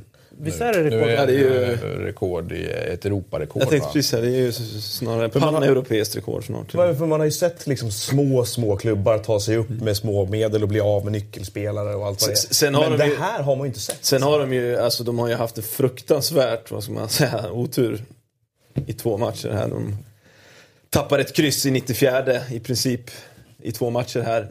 Det spelar ingen roll för säsongen är ju körd, de kommer ju åka ur. Men just det här, Men, alltså den där nollan skaver ju på ett sätt som en etta kanske inte hade gjort. Så oavsett om man, man kommer ta så mycket mer poäng än det så, så blir det ju till slut. Det momentumet, det går ju inte att ta sig ur. Vi ska, det är bara... Vinn tre matcher. Det, det, det är. Så att vi räknar ut dem, fattar du? För det är det alla gör nu. Men om de vinner två matcher, fattar den, den kicken? Nu tror jag inte att Men det var, ju- det var ju det Mm. som hände i Crotone när de höll sig kvar. Alltså, de var ju, alltså poängmässigt var ju de längre efter än det här. Det är bara att, det är det jag säger, nollan är ju där på grund av att det liksom... Den är ju så symbolisk. Hade det stått en tvåa där, det hade ju varit lika illa egentligen. Men det är ändå en tvåa. Och det har ju lite att göra med att det i andra änden är många. För vi konstaterade det, jag kan ha räknat fel, men Juventus har ju tagit en poäng mer i år, eller möjligtvis en poäng mindre i samma antal matcher. Och Juventus ledde då serien, så Juventus har gjort en bra höst i år och förra året. Poängmässigt bra höst. Poängmässigt, det är det vi pratar om. Men det är det, som är det. det Har ju, Napoli ligger ju 13 poäng bättre än förra säsongen. Och då leder de ligan med två. Jag menar. Mm, så det är ju i andra änden lite, lite ojämnare helt klart i, i Serie A. Och det, därför har Benevento med noll poäng fortfarande häng på allvar. Det som, eh, det som om man då lyfter upp då till högre upp Juventus så var det ju snack om att eh, Dybala har eh, uttalat sig efter matchen i Champions League när de mötte eh, Barcelona. Då stod ju han Iguain och, och Messi och pratade lite grann och, och tydligen ska han sagt att eh, man måste se en utveckling och, och, han kan inte se det riktigt här. Vad svag Suarez såg ut sa han. Och så. Ja, ja, exakt. Och, och öpp, öppnar det lite grann för, vi ska prata om jag. öppnar det lite grann för att hans framtid i Juventus inte alls är cementerad och, och känner inte att det är ett lag som liksom tar, tar steg framåt, att, att det finns en utveckling. Förra året var det intressant och satt Christian och inte trodde de skulle vinna. Jag vill inte hålla dig emot det, men de gjorde det. Men du sa en ganska intressant sak. Det är nu de ska ta nästa steg, det är nu de ska göra det. Eh, och de gick ju inte hela vägen i Champions League som egentligen var det som du pratade om. I år ser det ju sämre ut än förra året, enligt mig. Även fast du hävdar då att eh, poängskörden är inne. Men spelmässigt tycker jag det ser betydligt sämre ut än vad det gjorde förra året. Eh, vad, eh, och dessutom kritiken då från Dybala som ligger där. Vad har vi liksom Juventus utveckling någonstans? Alltså är den, går den uppåt lite sakta eller har den stannat av? Eller hur ser det ut? Den går i sidled vill jag påstå mm. av två skäl. Eh, det ena är att eh, jag tror också att, att någonstans nämner man eh, Alltså man hamnar i vägsände med allting. Men jag tycker Dybala är en del av det för jag tycker inte han har steppat upp heller. Jag hade förväntat mig, han började bra. Jag hade förväntat mig att nu ska han ta ett steg till i sin utveckling. Det kanske är allergiskt fel, det kan inte vi veta. Men det är en grej. Det andra är, och, och då skulle jag säga att offensiven i Juventus är bättre under den här hösten. Eller i alla fall lika bra. Det är ju defensiven som inte är på den nivå det har varit tidigare. Det är där de helt plötsligt nu Eh, och väger man in det så kanske man säger att offensiven blir klart bättre till och med. Så att, totalt sett blir det ju ett steg i sidled. Och det är ju per definition ett steg bakåt eftersom förändra eller dö. Man måste bli lite, alltså världen går alltid, världen blir alltid, fotbollsspelaren blir alltid lite bättre när de ska komma upp. Så går man i sidled i kvalitet, ja, då tappar man. Och Det är min bild av det. Vad säger du? Sen har ju, de har ju haft ett koncept som har funkat ganska bra i min värld. Alltså, jag tänker med spelare som Kedira och nu, nu kör de lite på samma sak. Att de lyckas ju ändå få såna här etablerade spelare som uppfattas som var liksom i det övre skiktet, Matuidi och, och, och sådana. För dels för rimliga priser jämfört med, med resten av, av världen. Men, men det är ju frågan om, om det räcker det för att ta ett kliv till. Förmodligen inte. Det de har varit väldigt bra på är att de har lyckats hålla en nivå på, på liksom ett ganska effektivt sätt. De kan ju tappa spelare som Pogba, de har tappat Vidal och ändå liksom ersatt dem med bra namn och hålla liksom, vad ska man säga, Släpp banan- Tevez, Pirlo lägger av. så det ska man ha stor respekt för att de har ju haft en, en ganska hög spelaromsättning av spelare av viss kvalitet som jag har svårt att se andra klubbar faktiskt skulle klara av. Men skulle du ha den omsättningen på ett Bayern München då blir det svårare för dem att täcka upp. Men med det sagt så, så den här backlinjen har ju de... Alltså de har ju mjölkat allt som har gått av den backlinjen i sex säsonger nu. Och det är ju uppenbart att nu, det är så stack ju Bonucci men att återväxten och Rugani de kommer ju inte kunna fylla det lika snabbt. Nej. Vilket också syns. Jag menar, de har ju alltid varit det laget som kanske inte gjort flest mål men släppt in minst. Och första gången på sex år är det väl inte så nu. Men Och åker själv vi, sitter man ju och, och, och längtar efter Marquisio, men det är bara jag. jag gillar Fast det har man gjort länge nu och det är också oroväckande för jag gillar Marquisio trots att han är svartvit. Men, men, Men, eh, han har ju inte gjort en, när han, han gjorde han en full säsong sist. Nej, det är jättemånga. Alltså det är tyvärr. Jag tror Men- att men under Contes ledning, det var ju då han liksom verkligen var en, en tydlig liksom, impact på det hela. Men sen efter det så har det varit jävligt mycket skador och skit. Liksom. Men jag bara säger, men det är alltid sagt, för det är ju en, vi tycker vi alla tyder en tendens som är nedåtgående.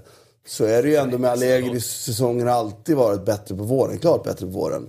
Och de är med i allting, de har tagit sig vidare. Så att det är, vi kan inte döma ut dem, men tendensen känns ändå lite... Alltså långsiktigt, i år är det ju inga problem. Alltså, det, är, det är inte, man och Caldara kommer in eh, nästa sommar som jag håller väldigt högt, eller varför höll väldigt högt. Jag vet inte om han har varit under hösten riktigt här nu med skador och sånt. Jag satt ju landet in och kollade Cagliari Inter. Eh, utan någon konstig anledning så fastnade jag framför dem. Och kände inte som du gör när du kollar på United att det var en dålig match. Utan att, Dålig, tråkig. Så. Tråkig, sa jag. Okej. Jag tyck, det tyckte jag inte. Eh, det fanns mycket i den här matchen som var bra.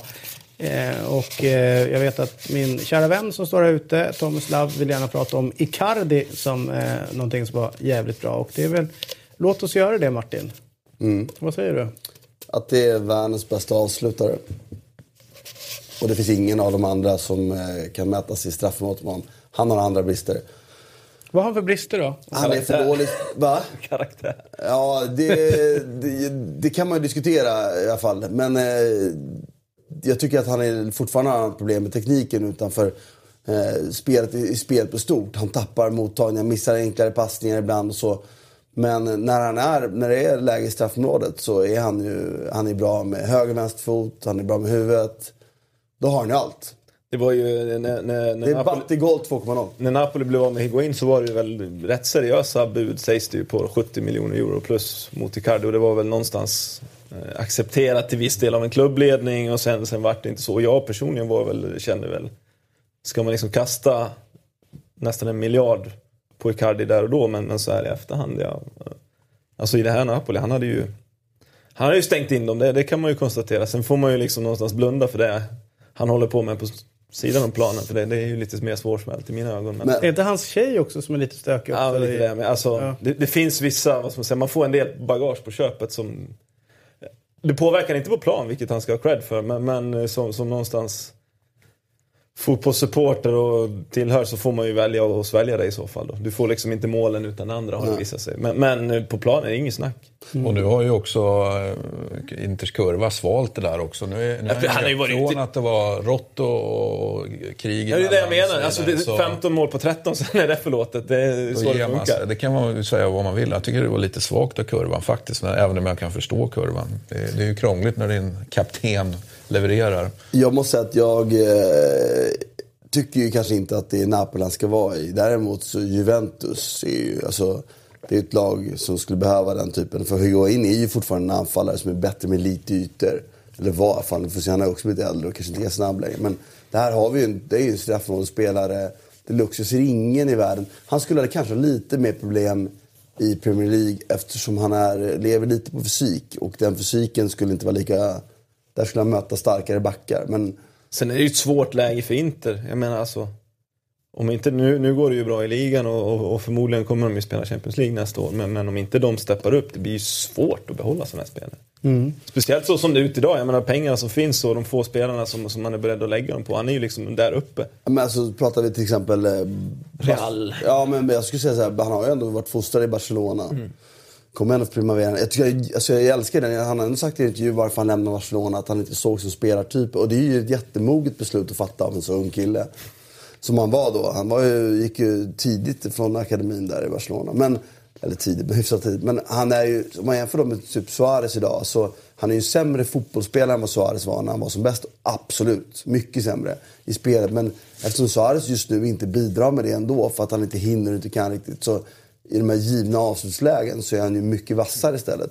Så att även jag som tycker att Barcelona ska ha en mycket mer spelskicklig forward, tycker att det där hade ju varit en riktigt bra, alltså får han två. Och det roliga med honom är att han springer ju på allt i 93 minuter, 94 minuter. Han får inte en boll en hel match, men han fortsätter springa på allt.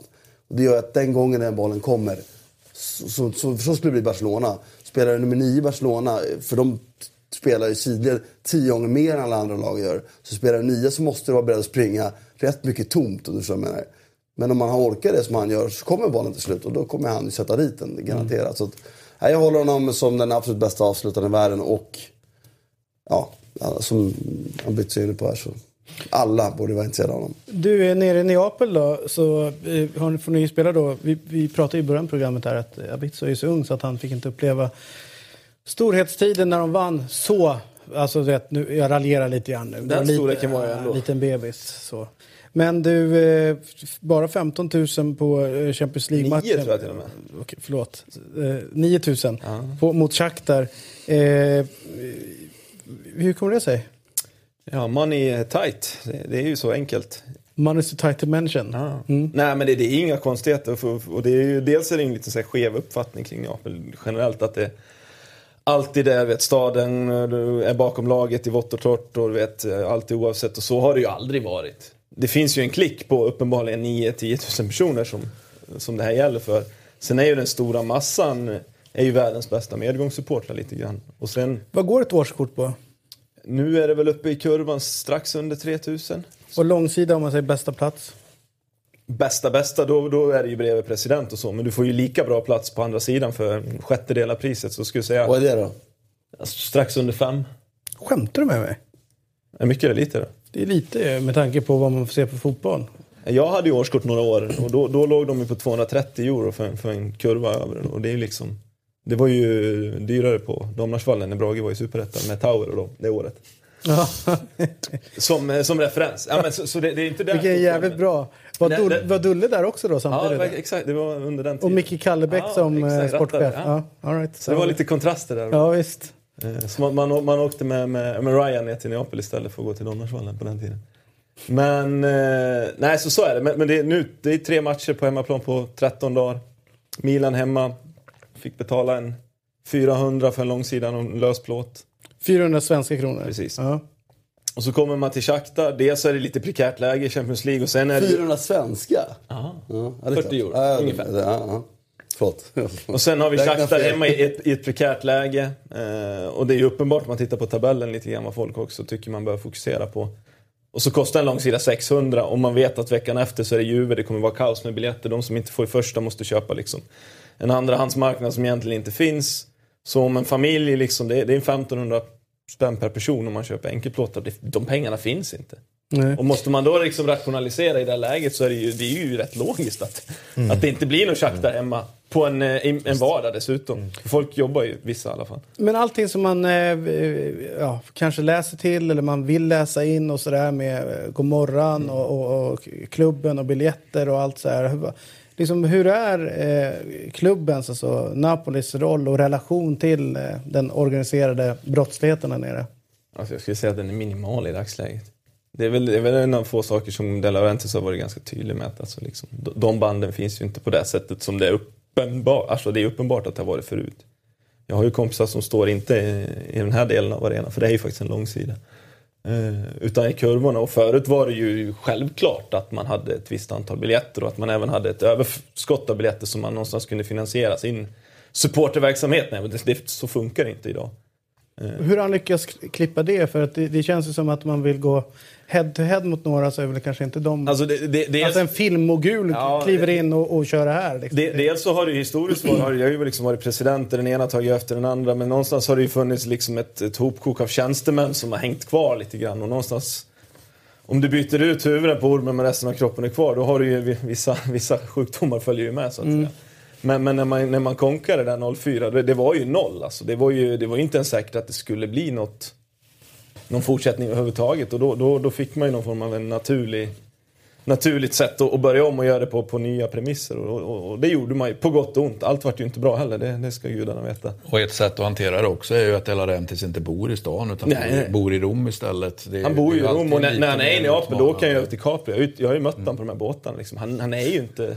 Åker han de vanliga båtarna med Ja, människor? med väska och hela skiten. Ja, jag träffade honom två gånger på de där Är båtarna. det sant? Han står där, trängs när man ska, du vet, ska snabbt. Ja, ja. Är det Som en- sant? ja, två gånger. Och då är det inte så att jag åker dem jätteofta, så att jag liksom statistiskt sett så bara ju... Så det Han har, inte kli- det. han har klippkort helt enkelt. För annars kan man ju tänka dig helikopter och sådär. Så att, Ja, det är egen båt bara. Ja, nej, nej, nej. Han, han kör de här, du vet vilka jag pratar om. 35 euro tur och retur. Det är som en biljett Ja, exakt så. till en match. Nej, så det, det är inte helt ologiskt. Eh, Det är det absolut inte. Eh, Sen brukar klubben vara ganska, ha blivit bättre på en känsla för det är ju vissa mm, vad ska man säga, vardagsmatcher mot kanske lite sämre motstånd där de kan kosta ner mot fem, 50 spänn för, för en, en biljett. Men förr i tiden, jag kommer när eh, Cavani spelade i, i eh, Napoli så, så var det väldigt öppen. Eh, alltså man kunde kliva in på träningsanläggningen ganska lätt och, och kolla på träningar. Och, och det var helt sjukt. Jag var, vi hade ett program som hette Fotbollskväll med internationell prägel. Och, och då var det liksom bara att kliva in. Alltså under träning nästan så stod Kalmarkillen inne. Och det var ju liksom väldigt, väldigt bjussigt på det sättet. Är det lika, är det lika öppet idag? Nej, och det, det, det där det försvann lite grann. Jag skulle säga att det var ganska öppet fram tills ungefär den perioden när, när liksom Mazzaris era var över. Uh, dels så bytte man ut många av de här tjänstemännen. Presschefen är ju kanske den enda som är kvar, men, men alltså mycket, mycket tjänstemän. Och man, det som hände var ju också att Italien, ni förstår ju den här liksom digitala eran släpar ju tio år mot Sverige. Ja. Så, Tio räcker det. Ja, så det här liksom svenska fans-fenomenet att man som, som liksom en ganska enkel person kan skaffa en server, betala 99 kronor i månaden och börja skriva saker. Det kom ju 10-15 år efter i Sverige och när det började dyka upp i Napoli, helt plötsligt var ju alla journalister. Och alla skulle ju ackrediteras. Så det satt ju mer folk på den sidan av läktaren och det, så var det i många år. Man orkade liksom inte ta i det här. Det var ju i princip bara liksom starta en blogg och så kunde du liksom ta med dig vem du ville in. Och sen om du ville köra liksom foto eller inte, det var lite så här. Ja. Och det där, det där pågick ju fram tills två, tre år sedan då De Laurentiis gjorde så här istället. Nu är ju ingen... Det finns ju ändå ett par seriösa sådana här sidor som liksom har, har funnits med ett tag och lyckats bli någorlunda seriösa. De, de är ju liksom out. Nu du ska vara Sky eller liksom Kanal Digital eller Uefa för att sitta där, annars är det liksom, glöm det. Eller någon utländsk eh, Ja. historia. Och dessutom så, så älskar han ju att ta striderna med de etablerade också. Ja, ja. Där får man ju säga hans, hans krig med, som, som har varit med Sky och hans krig med ständigt pågående krig, skulle jag vilja säga, med Gazzetta dello Sport Men såklart. t- tänk dig nu, Napoli har aldrig gått bättre. De första åtta matcherna var det ju Silencio Stampa. Va- Vann, vann, vann, vann. Ingen visste varför de inte pratade. Vaknade på fel sida. Men vi, vi brukar ju slå oss lite på bröstet där i Eurotalk och prata om liksom att eh, vi har alltid varit noga med att och poängtera att eh, fotbollen och samhället kan man liksom inte separera. Eh, utan att det hänger ihop så. Eh, Neapel är en rörig stad och eh, har ju sina, sina eh, pros and cons när det gäller ganska mycket som alla städer har. och Så. Men vad, vad, vad har klubben för liksom, funktion och roll och liksom in, i, sam, alltså i samhället i Neapel? Alltså nu, nu är det nu är återigen där. Jag tror att det finns en, en uppfattning ganska liksom brett ute i världen att, att det är unison så att det liksom bär fram. Det är klart att alltså, om man ser till A-lag och man vill att det går bra och att det liksom medför någon form av liksom att staden går bra när, när A-laget går bra och presterar på den nivån, det, det kan vi vara överens om. Men om vi tittar på till exempel det här att ta ansvar för staden i den mån att det är som, som Christian säger, man är ju, inte, man är ju lokaliserad utanför stan, fyra mil med träningsanläggningen. Huvudkontoret är ju De port som han har i Rom. Där är ju klubben faktiskt skriven. Ungdomsverksamheten är ju obefintlig. Sist jag var ner då, då eh, bodde jag på ett annat ställe än där jag brukar. Det är ju så här. Scuola Calcio, alltså fotbollsskola, Bergamo, Atalanta, Milan. Alltså Napoli driver ju inget sånt i stan. Det är, Det är ju ett sorgligt... Det är- och det är fruktansvärt. Fortsatt är det så. Det är väldigt mycket... så Empoli klubb, Scuola Calcio. Så på det här sättet att säga att Napoli liksom, alltså de här Insigne och de som kommer, det är ju en slump. Ja, Att det fortfarande är så. För det kommer man- man pratade om för tio år sedan. när- det har alltid varit så. Att det är Inter, Milan, Juve de här som plockar en talang för den Napoli-barnen. Att de inte slår igenom i Napoli. Och det trodde jag faktiskt hade ändrat. Nej, nej, nej. Det är värre än Det någonsin. är tragiskt. Alltså det är värre än någonsin nu.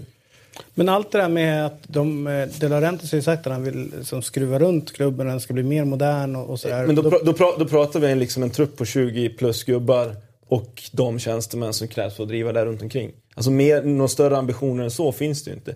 Det finns ju liksom inga ambitioner att det ska bli en Napoli-akademi med, med liksom kontakter mot skolan och man ska ha liksom fonder mot barn i De, alltså, var det, med, det i- finns de var ju med i Uefa Youth League nu. Men det är för att man måste. Nej, I- det, i där, princip. Där De går ju- man sig väl till ändå. AIK var ju med där. Nå, Inte Malmö. ja, i år. det vet jag inte. Så, så att det, liksom, det, det, det är mycket sånt där som, alltså så länge A-laget går bra så är det ju där fokus ligger. Men att påstå att det finns liksom ett, en stor, att hela staden på alla nivåer, det, det, det stämmer liksom inte. Det, där har man ju långt, långt kvar. Och jag tror inte man har de ambitionerna här. På ett Tyvärr. sätt är det ju också en självbevarelse. Man tycker så att han vill hålla det här liksom li- Tight. litet och tight och eh, separat. Och för varje utökning, alltså Ja. att man liksom sätter rötterna mer och mer i staden, så blir man ju också mera sårbar på det sättet. det vill säga för inf- infiltration då av eh, Alltså, om, om man, icke önskvärda infiltratörer helt det enkelt. finns ju någon sån här, vad heter den, Euroclub Index liksom. Och Napoli har ju pendlat liksom, ja, först topp 20 och nu så har man smugit in sig på här nionde plats eller någonting. Alltså jag är ju övertygad utan de här siffrorna att Napoli har ju en tiondel av personalen av alla andra klubbar på den här listan. Max. Men- alltså, max. Eh, framför oss då eh, så har vi ju en av de coolaste mötena jag har varit på. Det var ju dock ett Serie B-möte. 2006. Ja, när det var Napoli 1-1. mot Juventus. Jag var det där. var bland de mest galna upplevelser. Det är den bästa matchen sjukt. jag har sett. Det var sjukt på riktigt. När man gick därifrån så undrade jag, ett, vad är telefonnumret till Tinnitusförbundet? Mm. Eh, och nummer två, hur fan kan man, eh, ja hur går man vidare Men det, det, här? det där, jag, jag brukar ta upp det i sådana här sammanhang när, när frågan kommer, vilken är den liksom. Det där är, kommer förmodligen vara den, den bästa matchen nu där liksom, om man ser till helhetsupplevelsen och allt som gällde. Som jag, även om Napoli skulle gå till en Champions League-final så jag har svårt att se att det kommer trumfa den matchen. Mm. Jag åkte ju ner med två polare, vi var ju där två veckor innan för att få biljett. Ja, det, var helt, det var helt bisarrt. Ja. Själv fick jag frågan en vecka innan och ville hänga på. Och det, var det du och Barsom som var? Nej. För han var ju också där. Ja, han och Jeppe Husfeldt tror jag var där nere. Vi råkade springa på dem i en jeansbutik, men den historien kan vi ta en annan gång. I, i vadå för... En jeansbutik? Berätta om, eh, berätta om det här. Det är Among Friends. Ja, det kan vi göra. okej. Eh, jo, vi, den är rätt lustig. Det var jag och, och två kompisar, varav den ena håller på, på Hammarby och är väldigt intresserad i fotbollssammanhang och kan mycket. Liksom. Och den andra i princip har aldrig varit på en allsvensk match, men han ville ner, följa med. Åker ner, det är ju höstlov då, för det här är ju november, eller hur? Stämmer. Eh, så uh, ja, spendera en vecka på att skaffa en biljett, liksom. det var ju helt hopplöst. När vi väl hade löst det, ja, men då hade vi lite dödtid. Liksom. Så en av dagarna åker vi in till stan och så går vi liksom rätt i fila heter gatan. Det finns butiker där. Ja, inte jätteglammigt. Det finns trevligare ställen längre fram om man säger så. Som Martin är vid. Oftast ja. Uh, går ner i en källare, så liksom, man går in väldigt lite, så är det liksom en trappa ner och det är väldigt lite folk där. Det är i princip inga alls. Så vi kommer ner och då blir man alltid förföljd av en liksom, som jobbar i butiken för de ska kolla att man inte tar någonting. Det blir jag aldrig. Det har aldrig hänt Martin. Nej, men det, det, det, det hände i alla fall mig. Så vi står där nere, bara min, min, min kompis knackar lite eh, på mig och så säger jag någonting som jag nu, nu, nu säger jag det ordagrant att fan, kolla den där snubben, han har ju faktiskt eh, större krok än Barson. Och säger jag lite halvhögt eftersom att vi är i Italien. Eh, Så var det ju Barson och han hörde ju det där med sin agent och så. Tyckte inte alls, han tog ju liksom, vad ska man säga, diskussionen där och då. Min kompis är ju väldigt, vad ska man säga, icke eh, van i en sån konfliktsituation. Så han står ju bara helt still, säger inget. Eh, så det, det var fem minuter han bara fick ta emot liksom. Och bara skällde? Ja. ja. Nej, Man ska ju fan på att hacka på Abgar Barson. Så är Så det. är det, det har man ju lärt sig. Men nej, den matchen är, den är helt magisk och det var ju eh, svår, svårt att uppleva sådana matcher efter Rashito det som hänt. Det, så vi som var där där och då, det, Mm. Men nu då när, när ehm, eh, Juventus kommer på besök igen och det är ju en, i min värld så är det en jävligt viktig match då med tanke på det är väl 38 mot 34 poäng redan som det är nu i, i när de möts. Så det kan ju liksom, avståndet kan ju hoppa upp ännu mer mellan de här två, eh, två lagen. Vad tänker du inför, eh, nummer ett, är det den stora hatmatchen för er om man säger så här? Är det den stora antagonisten som kommer på besök? Ja, alltså det är inget sånt här, personligen och även skulle jag säga inför stan, det, det är ju inga, inga tveksamheter om det. Sen har det ju historiskt sett så har de alltid varit mycket bättre men man kan ju liksom ha en antagonist för det. Eh, sen är det ju, alltså, om man tänker bara rent seriemässigt så är det ju, vad ska jag säga, för, för egen del ett läge där jag aldrig har varit, jag har ju snarare varit precis tvärtom. Att Napoli ligger strax efter, tar de tre poäng så, så kliver man precis i kapp. Men det har ju alltid slutat tvärtom då att, att tre poäng, där man drar ifrån tre poäng så helt plötsligt blir fyra som kunde ha blivit ett, blir sju och så Eh, Så, så om Napoli klarar av att hantera den situationen på fredag då, då, då kan man ju liksom börja diskutera på riktigt. Det är riktigt roligt. Om Napoli vinner eh, så bra läge så, så ska Juventus möta Inter nästa match.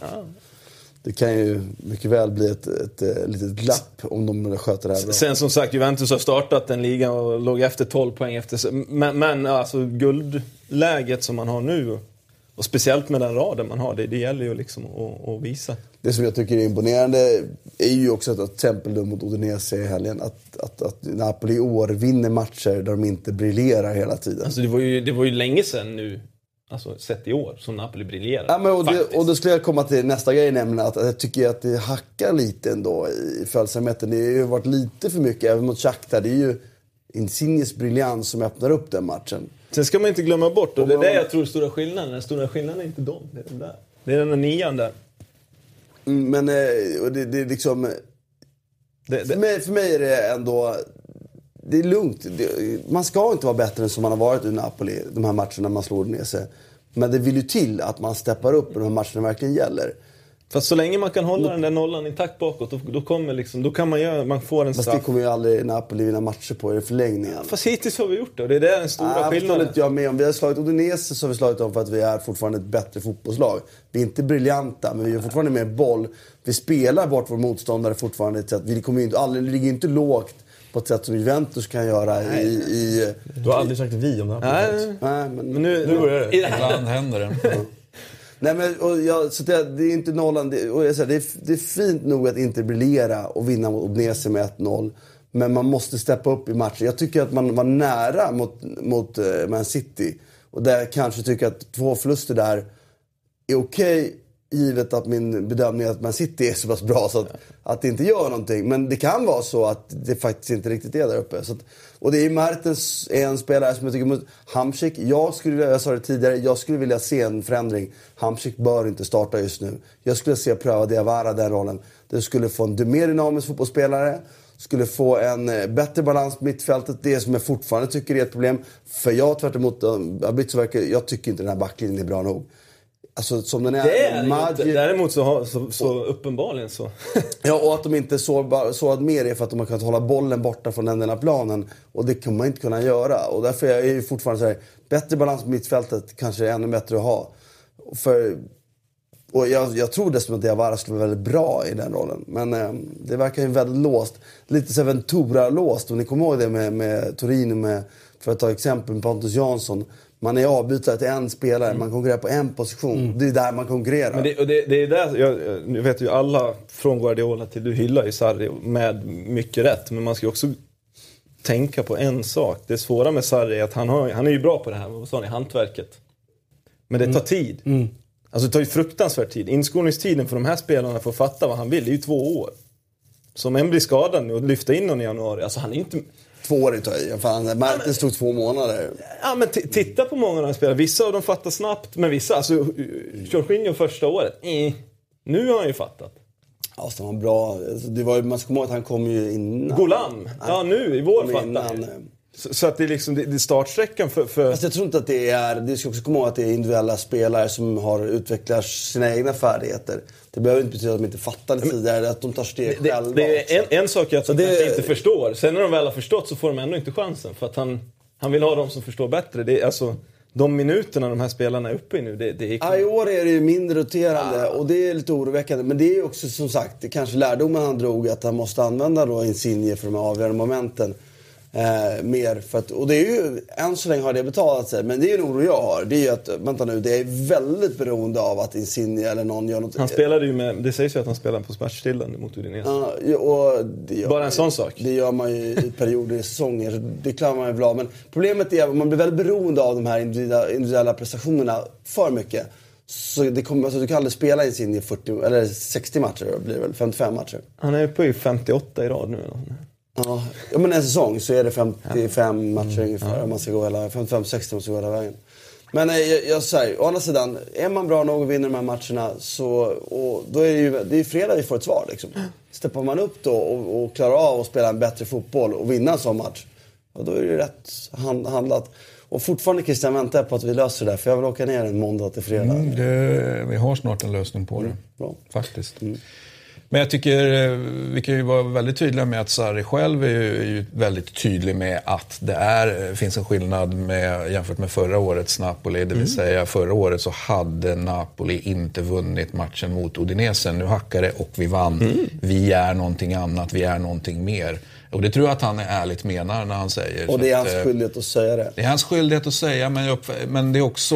Eh, han är inte fullt ut politiker alltid, den gode Nej, Sarri. det tror inte jag Även om det är hans skyldighet så hade han kunnat tänka säga någonting annat. Men, och, så, och vi får ju aldrig det Eller svaret. inte säga någonting alls. Och sen så får vi tänka på nu, det, det som jag tycker de ska ta till sig, eller Napoli ska ta till sig, det vill säga ni ska ta till er, är ju... Eh, titta på reaktionerna här till exempel som... High five på den. Den där lilla, den där lilla piken du sticker in där. Ja, men vi. Bra. Ja. Ja, jag gillar det. Nej, men jag menar att se bara reaktionen som, som Lazio fick till exempel och som Roma fick. Eh, på ett sätt är ganska förväntade att de har, eh, så att säga, de kom från en derbyseger, Roma i, i det fallet. Eh, och, och Lazio eh, kom, kom från andra grejer. Och så får man lite reaktioner, dräller lite poäng. Napoli dräller ju inte poäng här. Eh, de hanterar Shakhtar, verkligen. Jag såg den matchen. Eh, det kanske var självklart att man skulle göra. Jag bara sitter och är imponerad av Shakhtar långt i den bra. matchen. Jättefin match. Tänker liksom, fan, det kanske inte kommer att funka det här. Eh, går ut ett tag, kör lite Toscano och, och, och kommer in och det är 3-0. Alltså det är ju faktiskt jätteimponerande och eventuellt en antydan till att faktiskt Napoli är någonting lite mer, eller mycket mer, oss- eller någonting mer i alla fall än förra Och jag hävdar då att Juventus är lite mindre, lite någonting annat. Så att, Ja, jag Ja, men det- Och du vill liksom- sparka ja, den all världens Nej, men jag vill bara säga så här, man ska komma ihåg att, att Allegri under förra året startade säsongen där en nummer 9 ersättare till Higuain. Han startade faktiskt på minus. Och Helt sjukt att det... Att det, att det gick så bra som det gick. ja. Wow. Med tanke på hur fel allting blev. Gabbiadini visade sig, som jag hela tiden tyckte i alla fall, inte rätt spelare. Milik gick sönder. Och under hela den här brinnande säsongen så skolade han om Mertens. Så det problemet har han än så länge inte behövt hantera. Golam är ju en sån typ av spelare som inte fick gå sönder egentligen tycker jag. Mm, jag. Som än så länge inte betalat pris för. Men där, jag, jag är ändå orolig för... Alltså, titta på den backlinjen så är det bara Koulibaly som jag tycker... Usai är ju, tycker jag, gränsfall till höger. Nu kanske det är lättare att spela bakom eh, Insigne på ett sätt. För du ger honom bollen och så springer du och så händer det grejer. Liksom. Men eh, det är ändå en backlinje som jag är orolig för. Och Reina i målet. Alltså det ska inte gå att vinna ligan mot Juventus med Men du, apropå det då, apropå målvakter. Pontus Dahlberg, eh, 40 millar. Eh, Per Jonsson nere i Neapel pratas det om. Eh, Pontus eventuellt då ska ner och, och kika. Är det någonting som har dykt upp eh, på radarn i, i Neapel eller är det bara någonting som jag har skrivit om här i Sverige? Nej, nej, då, alltså sånt där missar de ju inte där nere. Eh, sen har ju eh, Napoli varit öppet ute och i princip sonderat världsmarknaden för målvakter så att jag skulle säga att han får ju rätta in sig i ledet där. Sen om jag ska vara helt ärlig, alltså det, det finns ju få ställen som är tuffare att ställa sig i mål. Dels på grund av att du kanske liksom inte har den här kvaliteten framför dig och så har du liksom förväntningar att du ska prestera på en nivå som du egentligen inte har förutsättningar för. Men han kan knappast vara tänkt att ställa, ställa sig ett mål nu. Nej men samtidigt, 18-åring. Rein- Reina, det- han gör ju sin sista säsong. Och så plockar de in han för 40 miljoner. Vem, vem, vad ska de ställa han bakom någon av de andra? Det är ju inte tanken. Jo, men det tror jag. jag tror inte 40, det. 40 miljoner, är det så mycket? Svenskar. Ja, precis. Men jag menar det, det, det låter ju som en... Kanske, ska man ersätta Reina så låter det som att Å andra sidan, Napoli, Napoli köpte ett dussin målvakter för kring 50 miljoner som Navarro och, och Rafael och det ena och det andra som man bara liksom har skeppat tillbaka sen. Så att, eh, för, för han skulle han kanske ska kolla lite grann hur Det är det, väl- hur det har gått för dem som har ramlat in för de pengarna tidigare.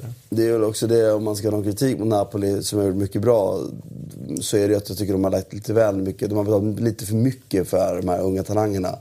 Och hade inte Vilka tänker du på då? Nej men de har köpt eh, Maximovic som är ung, ung men Rogg, Zielinski, 26. Diawara. Nej, nej men de har köpt spelare som är, har utvecklingspotential. Istället, och det är ju själva affärsidén, att köpa lite billigare, låta en bra hantverkare som Sarri förädla det och så höja värdet på, på liksom laget. Goulam är ju ett bra exempel på någon också. Usai också, liksom, de har ju värvat eh, spelare som tar utvecklingssteg. Men jag tycker lite för mycket av dem, jag tycker de har tagit lite för mycket pengar för några av dem. Där jag tycker att hade de kunnat lägga lite mer pengar på någon mer etablerad, till exempel en ba- mittback eller någon annan, så hade man kunnat vara ännu närmare Juventus tidigare. Liksom. De, jag tycker ju att de har den bästa utvecklingstränaren som finns. Sen kan man ju diskutera om den bästa tränaren som finns i, i Italien. Men när det gäller utveckling så är, jag ser ingen som har haft samma utveckling på de lag han har haft de sista tre år, fyra åren som jag har följt i alla fall. Ja, de namnen som du nämner så är, då är det väl egentligen bara Maximovic som du egentligen menar har varit för dyr? Eller Nej, men menar jag du tycker- verkligen att Diawara, Rogg och... och... Nej men Rog och Zielinski är ju två som jag tycker är snudd på för dyra. Eh, sett till vad de har kommit till än så länge. Med, med, med det sagt har de ju inte varit speciellt dyra, eller? Nej men det är, Rog kostar väl ändå 20-25 miljoner euro, inte det? Knappt 10. Ja, men, okej, så, måste... gre- Grejen är ju den, alltså, i min värld är det ju sjukt mycket pengar. Men, men, men så som marknaden ser ut idag så har man ju lyckats, Maximovic undantaget, Ja, det där, komma undan ganska billigt. Ja, för det där är Man får ju ställa det i relation till hur fan det ser ut nu för tiden. Exakt, och det där är jävligt intressant det du säger med, nu pratar man om 40 miljoner då till Dahlberg, vi tycker det är mycket pengar. Men sett till att eh, liksom den, den inflationen har Ja. gått i liksom transferövergångar i Europa. det är inte dyrt. Att, det är klart att det kommer ramla ner. Så att 40 miljoner för en klubb som Napoli är ju ingenting egentligen. Borde det är, inte vara. Nej, och det är ju inte det. Och, eh, men, ja, kolla vad de snurrar runt. Eh, så är det absolut inte mycket pengar. Och jag hävdar ju att vi kommer se, eh, alltså att AIK får 90 miljoner för Alexander Isak. Vi kommer se fler sådana övergångar i svensk fotboll som är på 100-150 miljoner. Det är inte, vi är inte långt borta därifrån när vi får fram någonting. Definitivt så kommer vi få se fler eh, sälj som är runt eh, 50 miljoner. Men Absolut. Asper tror jag såldes för 18 eller något sånt där back in the days till, till Sociedad. Ja, men det är klart att på en eh, nästan 20-årsperiod. att- Dels har du ju en naturlig inflation och sen har ju liksom, om Ja, den är sen- så, så är ju sporten har ju liksom... Exakt. Ja, men de har chansat lite, de har kostat 13 miljoner. Så att, Ja, men det, är, Zielinski? det är chansat lite för många sådana spelare. Zelinski, Kostade 14. Det är väl okej? Ja men de har ju inte, det, jag menar att det är så många sådana. Där Pavoletti 18. ja, där är ju... Men, Milik för dyr, absolut 32. Eh, Diawara 14,5. Och när du köper så många sådana, hade du, lagt, hade du tagit bort tre av dem och lagt det på en etablerad så hade du kommit längre fram i ditt lag. Problemet med Napoli är ju två saker, om vi nu vi ska stänga den här Napoli-diskussionen tror jag. Men det är ju dels att man håller ju fast vid det här va, som har varit ett jätteproblem. Att en spelare ska också skriva över sina rättigheter till klubben, vilket gör, tar du en sån som Matuidi som sitter med ett schysst eh, kontrakt med Nike i Frankrike. Det spelar ingen roll, du, du, du löser inte den situationen. Du kan liksom inte köpa Vänta, vadå? Varför ska de göra det för? för att när De Laurentiis värvar en spelare, så, när han värvar spelaren så ingår även eventuella inkomster från sidoverksamheter i form av sponsring till klubben. Då. Sen får ju han kompensera det i form av att höja liksom, månadsbetalningen. Då. Och det där har ju varit ett enormt problem och det är därför Napoli liksom inte har lyckats lösa vissa transfers som har varit, nära. Men det där, måste ju vara 10 ganska, miljoner. det där måste ju vara eh, unikt, eller hur? De Känner inte igen det. Men nästan alla andra ju- klubbar Jo, men det här, är- det, så här har det ju varit i tio år. Det var ju såklart inga problem när Napoli var i Serie B och var på väg upp och alla ville hoppa på tåget. Och en viss, alltså det var ju spelare upp till en viss nivå. Jag menar, det är ju, man glömmer ju det. Att så, så, så som det alltså, Det är just- ba- det är Bara på grund av att det finns med- en Neymar idag så betyder det ju också att liksom, man sprider ju inte Nike-pengarna på 200 spelare längre. Alltså jag, jag tror inte att det är så många som har de här tydliga liksom, posterboys för Nike längre. För att de satsar ju allt på tre, fyra sp- stora spelare. Så att jag menar, hälften av spelarna i Napoli, de har väl ingenting för, förutom något i hemlandet möjligtvis. Och det, det, det skapar ju problem. Och det andra har ju varit lönerna, för där har man ju också varit väldigt tydlig med att man vill inte skapa liksom någon form av intern inflation i laget, att lönerna börjar skena. För då sitter man ju där och måste betala 7 miljoner euro om året för alla helt Och plötsligt. det har ju varit en lyckosam strategi upp till viss nivå. Och det är det jag menar, då då- då- då det man har gjort Och det är ju därför han har börjat fingra på den, eh, vad ska man säga, strukturen. Ja. Och då får man också svaret på allt det andra därför att då köper en ung spelare... Precis, du kan lägga lite kan- mer capex, men då, då, liksom, då, då, då trycker du, okej du sponsringen där och lönen är den här, men vi betalar lite mer. För det, jag ska, det är ingen spelare som har kostat för mycket. Milik och Maximo, men det är för många. Du pratar... Ja, ja. pratar ja, men det, det, det, det, tio strategin har ju spelare. varit det. Mm. För att man, man, har inte liksom, man har inte kunnat gå in och ta Douglas Costa för 50 och betala 7 miljoner euro om året. Alltså rent ekonomiskt kunde man ju det, men då, då sätter du det i en sån Mm. sits. Liksom. Vad heter han? eh, Sjuan i Nice ska man plocka. Seri. Nej, nej, ytterforwarden. Han som är så sjukt, sjukt snabb. Sam Exam eller någonting. Ja, heter så, han. ja, han, Sam Bexing. Så att eh, det, det, det är och, och liksom... Det är en sån spelare som plockas som kan få billigt. då. Ja, får Ja, ja, ringa vi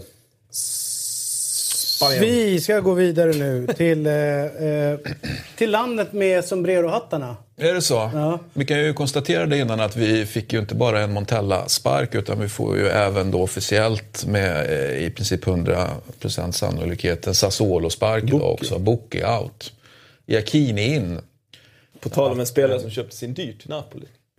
Så kanske det Madder, jag kommer är. Eh, men eh, just nu så eh, måste vi lämna Italien.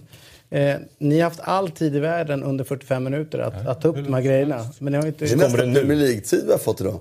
Italien. Men eh, vi ska till eh, landet där man jobbar sombreros och tyvärr Christian, du lovade att du skulle ha espadrillos på dig idag. Ja, det inte redan du. idag väl? Jo, Jaha. så var det. Vi tar oss till Spanien.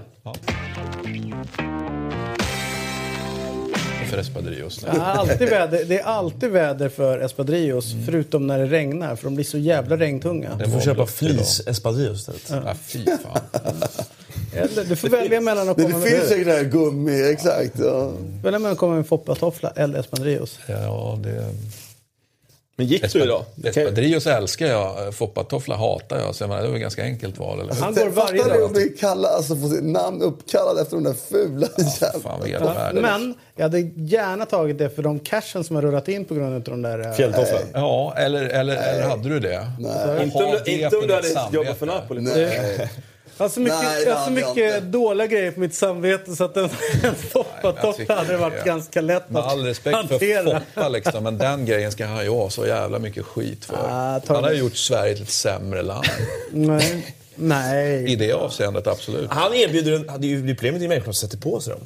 Det är väl ändå inte han som säger Ja, det här är en att, toffla. att tillhandahålla skit till människor, det ska man också ha skit Det för. handlar om hur man ser på ansvaret i utredningen. av jag tofflan. håller honom högst ansvarig här. Okej. Jag tror ju att de hade nått oss ändå, tro- trots allt. Ja, men, men nu, samma- sitter, nu sitter han där och har ett samvete som inte är rent. Nej, men nu sitter han och har ett namn på något väldigt pinsamt. Det är hela min poäng från början. Och han behöver inte pengarna. Okej, då får vi välja det här då. Ett dammsugarmunstycke eller en foppatoffla? Dammsugarmunstycke alla gånger. Any day. Det är, ju, det, är, ju- det är ju smarta, intelligenta grejer säger jag. För det är väl han, eh, vad heter han? Eh, Brolin. Brolin, eh, apropå Italien. Då tar jag helst Dahlin. Magnolia Bostad eller något sånt här istället. Vadå? Dahlin tar jag hellre då. Inte genomgång vad alla 94 spelare och hockeyspelare från OS-guldet till Lillehammer har lanserat företag nu. Okej, därför att vi ska... Det, Så okej. igår nu, då kan du faktiskt ett. Igår, det är inte, det är inte ofta eh, att jag och... Eh, för att Noah har varit lite arg på mig på slutet. Han tycker att jag har varit allt för aggressiv när det gäller ålder, åldersgrejer här. Men eh, igår kväll så hade vi ett moment eh, när vi faktiskt började höra... Alltså, jag försökte normalisera relationen genom att skicka ut lite... Ja, men kasta ut lite utsträckta händer. Jag- Du försökte ta konflikten till öppen ridå. Nej. Men, och jag tycker ändå att, vi nådde, att jag nådde fram. Vi fick ett handshake och idag så hade vi ett bra samtal också på, på morgonen. Eh, och vi landade väl någonstans i att är det här hittills under säsongen den bästa matchen vi har sett? Jag tycker det. Jag har inte sett en bättre. Jävla fin! Jag har, inte, Valencia, jag, har inte, jag har inte fastnat mer i en match än i den här. Alltså, och tyckt att två lag gör så bra matcher. Eh, ut, liksom, de kommer till sin rätt på något sätt, båda lagen. Och så finns det massa andra små beståndsdelar och kontroverser och individuella öden i den här matchen som är jätteintressanta. Så, Mm. ja, den hade allt som, som det brukar heta. Om du ska liksom eh, pinpointa det som är eh, för respektive lag, det som sticker ut positivt och negativt. Positivt för Barcelona är att de spelar...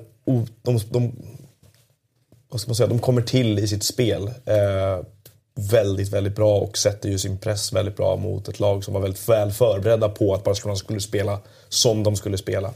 Så att även om Valencia sätter sin matchplan eh, och så, så tycker jag att Barcelona behärskar det på något sätt. Eh, framförallt i första halvlek. Och eh, det negativa är att de inte bara har förlorat Neymar inför den här säsongen utan de har även förlorat Suarez. Mm. Eh, och i Valencias fall så att de sätter matchplanen men ändå lyckas höja men, in, men ändå hamnar i ett sorts underläge i första halvlek. Men höjer sig ändå till andra halvlek och lägger till nya beståndsdelar, gör små justeringar, eh, får loss Guedes i synnerhet mycket mer i andra halvlek och ju sätter käppar i hjulet för Barcelona som sen hämtar sig. Så att det var, den hade liksom så många nyanser tycker jag åt båda håll. Det negativa för Valencia är att de inte vinner matchen. För det trodde de att de var på väg att göra. De gjorde ju allt i sin makt för att vinna. Men eftersom det finns en briljans som inte går att försvara sig mot i, i Barcelona så, så, så blev det inte så. För det där tyckte jag var jävligt intressant. För, för min känsla var när jag satt och kollade på andra. Förvisso gick jag in och bettade att nästa mål görs av Barcelona. Så jag är väldigt tacksam för att de gjorde det. Eh, men eh, om man ser strukturen på matchen, i synnerhet andra, så var det ju att Valencia hade relativt bra koll på, på det hela. Men det måste vara så jävla skönt för ett lag som Barcelona som inte kommer upp i press, som inte når, når, når alltså, i första halvlek var jag imponerad. Du, du sa bland annat flera gånger att Valencia slår bort för mycket bollar. Ja, det gjorde de. Det var, det, det var konsekvenser, men konsekvenser av Barcelonas pressspel som var imponerande under första, men inte på samma sätt i andra. Det, där gjorde Valencia någonting, så du får gärna rita på vad och var de förändrade från första till andra. Men att man som tränare och lag hela tiden kan, oavsett egentligen hur matchbilden ser ut, oavsett hur dålig Messi var under stora delar av andra, att när som helst så kan det bli alltså, briljans på en nivå som är så... För den framställ, fre, framspelningen till Alba, det är ju... Det Vad är det det, det är så jävla vackert att se. Och, och sen givetvis avslutet, men, men den passningen med den millimeterprecisionen i allt som är utförande gör att... Ja, fy fan vad Han hade ju en från egen planhalva i första halvlek som var... Dålig va? Nej. Den var Han är att missade Suarez. Jag bara, vad gör Ja, han? den Nej, var men helt sjuk, för Suarez gick där, alltså, Ja, den drog var- ut utsida och han lägger den i mitten. Det är Men han hade ju en, en yttersida typ Messi, från egen, alltså när han står i mittcirkeln mer eller mindre och sätter den på Alba som, som sticker in bakom precis. Ja, just Alba det, inte den, kontrollerar ja, riktigt. den är inte men den är så nära Ja, på att vara ännu bättre nästan. Men vad är. Men, eh, Alltså det är, den här passningen är ju bättre än den du skriver ändå. För den är så, du, det som Ja, David är inne ja. på, du måste liksom pricka det en lite, Det är lite ännu för svårare för att det är så- kortare avstånd nästan. Men vad är, eh, om man då tar första halvleken och till andra, vad, vad är det Valencia lyckas ändra på för att förändra matchbilden? Det är inget taktiskt, för det de istället gör i andra halvlek bättre det är att de inte missar de här omställningsbollarna. De blir inte av med bollen i, i Barcelonas press. För jag, Barcelona var jättebra i sin press, men det är om det är tre, fyra eller fem tillfällen i första halvlek när det inte är eh, pressen som gör att de tappar bollen med Valencia. Där, de, där, där man vet att kvaliteten är lite bättre. Eller är det en riktigt bra kvalitet i den, den passningen eller konstruktionen i den mottagningen så får de en, en omställningsmöjlighet. Det gjorde de ju bra. Och det, liksom, det blir som följdeffekt av det. För helt plötsligt tappar Barcelona sin press. För att de kom ur det. De bröt sig ur Barcelona några gånger. Eh, och det som jag tyckte var mest imponerande att det faktiskt skedde i en period när de spelade med tio man. För Garaigo, alltså, du, nu vet du de klipper upp strumporna, mm. vaderna för att de får för sig att de får kramp. För det är, för mig, för, för det är ju många spelare som gör. Det är ju trams tycker jag, men ja, det gör många i alla fall. Det fick han inte ha. Så då gick han ut och byta strumpor då. Och under den perioden så biter de ju faktiskt sig ur Barcelona vid ett flertal tillfällen och får upp sitt lag. Och det kan man säga, kritik Barcelona var ju att, att de då, tycker jag, föll isär lite. Just det där, då började Barcelona missa sina passningar istället och åkte på omställningar. Så under en kvart innan målet så var det ju Valencia som var det bättre laget. Och jag hävdar att det ingen, de gör inget annorlunda utan att de har en bättre kvalitet. En sak blev skillnad ja, att de kom närmare varandra centralt i banan.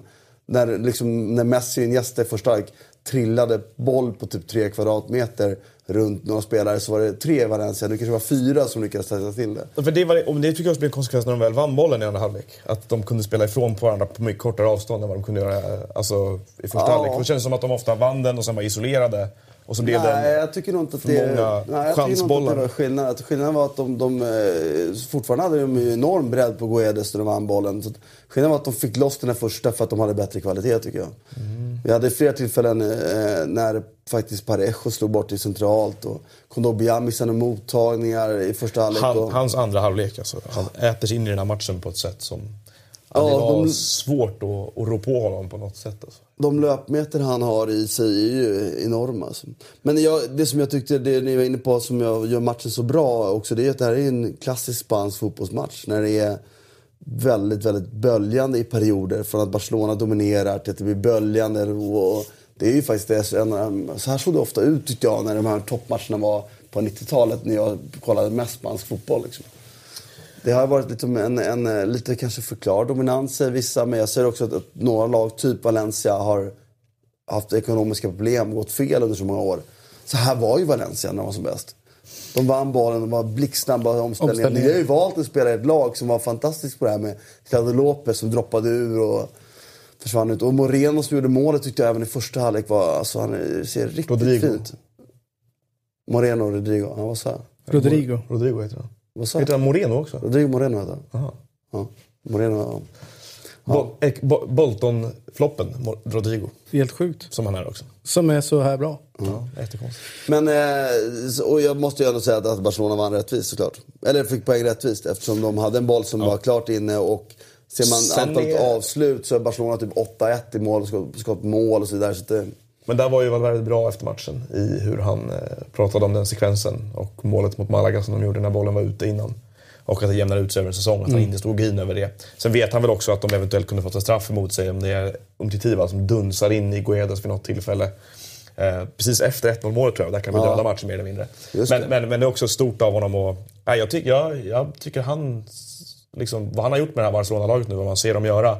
Om du räknar in att Neymar försvann och du räknar in att Dembélé skulle ersätta men inte riktigt är inne i det. Och du räknar in vad som har hänt med Suarez, vad nu det är och vad nu det mynnar ut i. Så får man ge honom enormt plus för hur de spelar och hur och vältrimmade de är. vilken extremt dåliga fönster de har gjort under ganska lång tid nu. Mm. Som börjar, när man sitter och kollar på bänken, så här, vad, vad, vad, är det som sitter här i Barcelona? Och då givet då den här resultatraden som de har. Ja, nej, han, han, har verkligen fått till det bra. Alltså. Det, är, det är sjukt imponerande. Jag tycker det är lite intressant som ni var inne på också det där med att, eh, att de inte alls tvekar att ta den långa bollen tidigt. Alltså när det nej, finns det... ett utrymme så är det ju det är inte Barcelona-likt. Men alltså, och varje gång det händer så hajar man nästan till. Vad fan var det som hände där? Alltså, vet, så här, såg jag fel?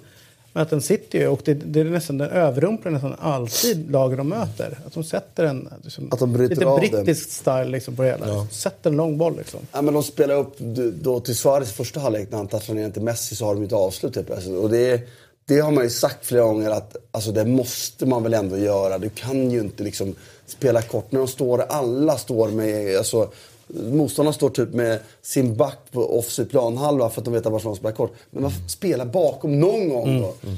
Så det har varit befriande att se. Sen tycker jag ju Paulinho och, och att man gått över till en diamant. Det blir intressant att se vad när Dembélé kommer tillbaka hur man gör. Mm.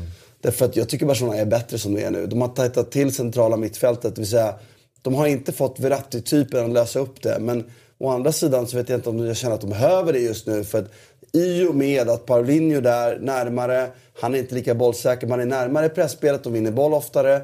Så blir också Busket otroligt mycket bättre. För att han är, när han hinner in så är han ju som han var, som har varit i år. Han har varit fantastisk ju. Han har varit mycket bättre än Casemiro har varit. Och det var ju tvärtom förra året. Och det har man ju fått då på grund av det. Och då är ju också Iniesta, så länge han håller så har man inte behovet av Verratti. Iniesta var riktigt bra i första halvlek i år, när han blev trött i andra. Ja, och verkligen. Men det är ju så här, när Dembélé kommer in, vem ska han ersätta? Som det är nu skulle jag gärna kunna säga att Suarez Suarez, ja. Men då har du inte den här spelpunkten som är den stora fysiska spelaren. Jag vet inte om ni såg det igår, för att vad skit och stryk han får. Gabriel Paulista, jag vet inte hur många han sprang förbi och slog honom. Alltså, alltså det är så mycket skit alltså. Men det ursäktar ju inte att han ska stå offside 900 gånger under matchen. Nej, det gör det inte. Och vad som har hänt med honom är ju, tror jag, bara ålder. Jag tror bara att han Ja, är för det tung. går en sekund Han långsammare, hinner allt han gör. Mm. Alltså. Och jag har väldigt, väldigt svårt att se att det finns en väg tillbaka från det här som är uppåt. Jag vet inte om du såg det, en- kost, en- träna hårdare och så kanske ändå inte går. För Liksom. det liksom kan vara en formsvacka, men nu är det fem mål på 17 matcher och sånt där, tror jag. Och det är ju liksom alarmerande mycket sämre än vad det varit tidigare. Men jag kommer ihåg en sekvens, jag tror att det är någon ligger ner och det är läkare inne på planen och sådär. Och jag tror att det kanske är 10 minuter kvar. Och när producenten då lägger kameran på Suarez ansikte i, eh, ja, i en minut nästan kändes det som. Liksom. Och det, man undrar liksom om ögonen ska tåras. Det är någonting, han ser otroligt sorgsen ut. Alltså, det var nästan som, så här, som ett porträtt, en stillbild av och Man någonting. undrar också vad han såg i funder, alltså lite grann så här, Ja, vad, han, vad, han, liksom, vad hände? Men jag måste säga att jag måste ge honom då, för jag håller med om han ser inte bra ut. Och han är, men han gör ju, gör fortfarande jobbet. Som han springer och sliter och krigar. Och, men han räcker ju inte till just nu. Så det är, det är ett problem som Barcelona måste adressera över tid. Och jag tycker inte att det är helt överraskande för vi såg det under förra året. Det var på väg ner under förra året. ännu, ännu mer imponerande därmed då att de tappar hans kraft hittills den här säsongen och de blir av med Neymar och ersättaren till Neymar spelar inte och ändå är de mycket bättre och ändå sitter det så här bra. Det jag är vill inte ha Neymar. Alltså jag tycker den eh, saknaden, en typ som Neymar känner inte jag att Barcelona behöver just nu. Till det här Däremot spelet. ska de hitta en, en, eh, en forward och då är det ganska få som sagt som man kan titta på. Tyvärr. Och få, få, få de kanske har eh, råd med också, jag vet faktiskt inte. Men Guedes i alla fall ingen utköpsklausul, jag hörde att ni pratade om det igår också. Han hade inte det. Eh, Så han är PSG-lån bara han är. PSG-ägd och han, hans värde ökar ju för varje vecka här för att han har ju någonting väldigt speciellt får man ju säga. Ja, men var ska han vara någonstans? För den kommer inte slås in i PSG nästa år. Min gissning är att han kommer ha hackas bort i ett engelskt lag eh, innan han hittar rätt igen då i Spanien eller i, eventuellt i Italien. Men jag skulle det känns ju som en spelare som är som gjord för hela ligan. Alltså, sätt honom under, men sätt honom under Simeone kanske, jag vet inte. Intressant också med, eh, som de ska vinna då, att var utköpsklausulen på Messi var det 7 miljarder. Så fanns ju även någon form av eh, shake-fotnot att Sägs det ju. Vadå? Att, Att dels fanns det ju en summa men sen fanns det också en klausul som liksom tog bort en viss typ av potentat oavsett om det var 700 eller Alltså. inte. Då. Ja, men så att Men om det en shejk... Ja, om- han shejkar sju miljarder, 700 då gills det, det det, inte. det, gills det var det ju, på något sätt. det var ju min så här, vadå, Sen om det är 50% skitsnack eller ja, men, men 7 miljarder känns som att, att en shejk skulle spotta upp annars, tror jag. Ja, det är väl ja alltså, det, det, är väl, det är väl mest det här visa att man kan. Alltså det är någonstans, till slut blir Ja, ju liksom... precis. vä- Värdet på en handväska är ju liksom, den, den pikar ju om du väljer material och den... Liksom, Intressant jämförelse. sen i slutändan är det ju bara, jag kan betala så här mycket liksom. Sista... Egenupplevd äh, jämförelse kanske, eller? Nej men så är det ju, alltså till viss del. Liksom, det är kvalitet upp till en viss punkt, sen betalar du bara för att visa att du kan. Ja. för märke eller något liknande.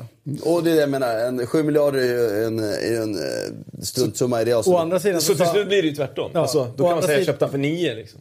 å andra sidan sa ju alla att eh, utköpsklausuler på 2 miljarder eller vad det nu var för eh, Neymar, det, är liksom, det finns inte. Det är klart vi kommer komma upp till de där siffrorna tidigare. Ja, exakt. Och i, från början var det att han skulle ha, på, eller han hade väl en utköpsklausul på 3 miljarder från början eller liknande. Messi. Mm.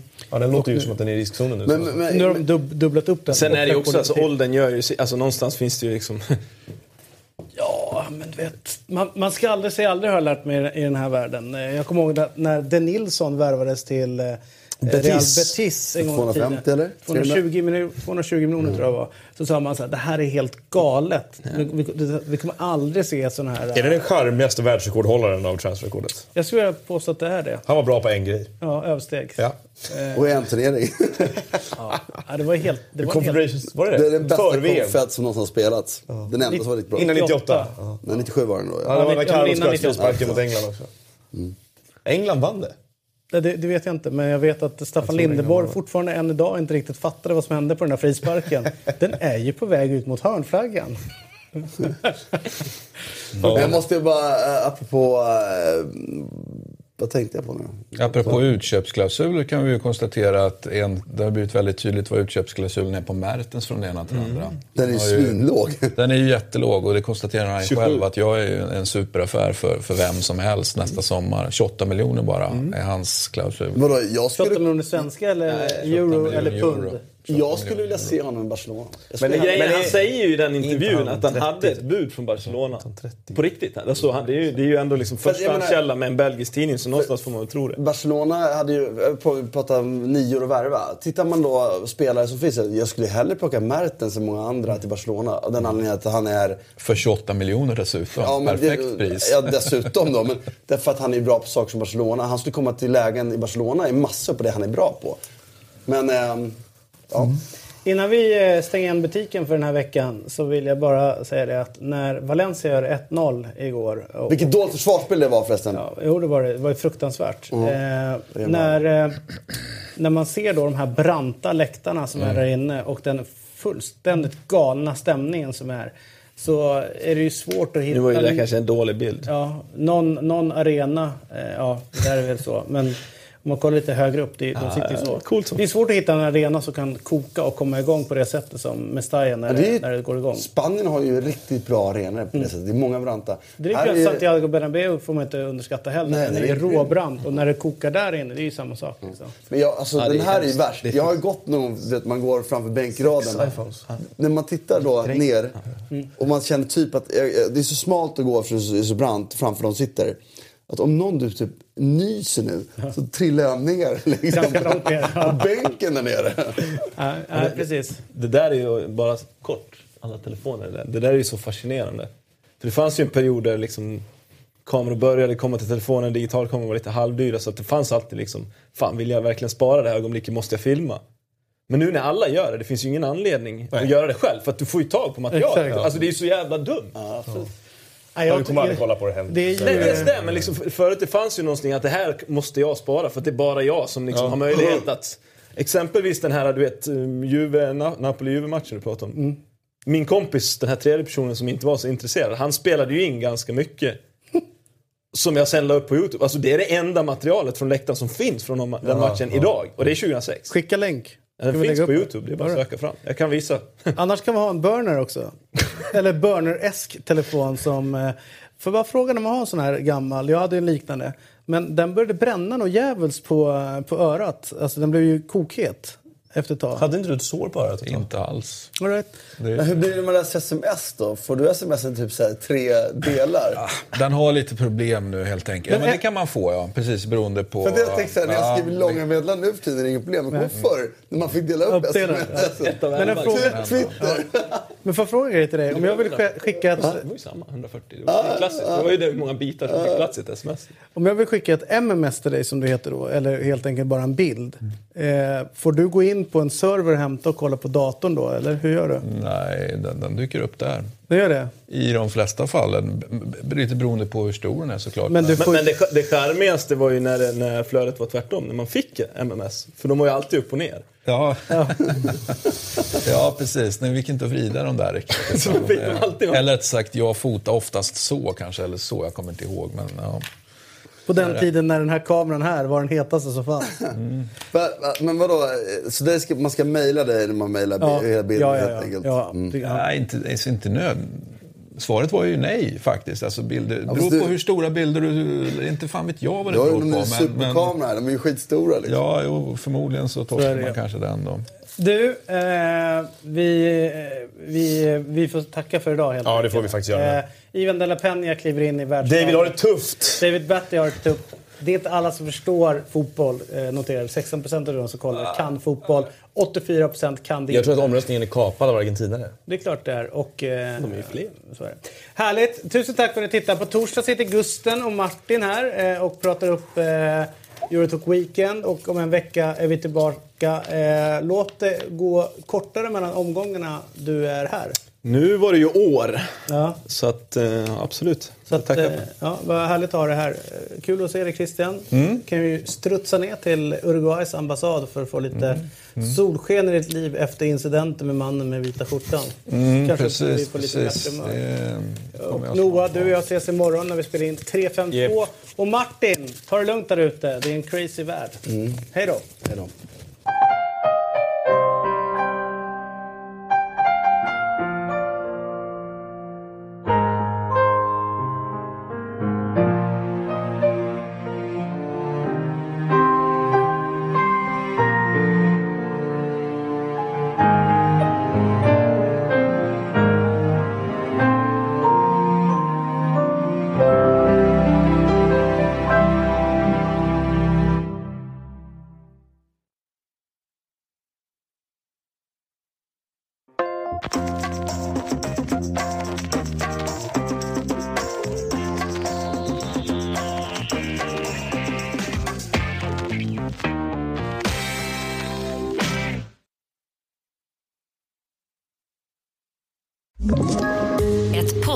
Från Podplay.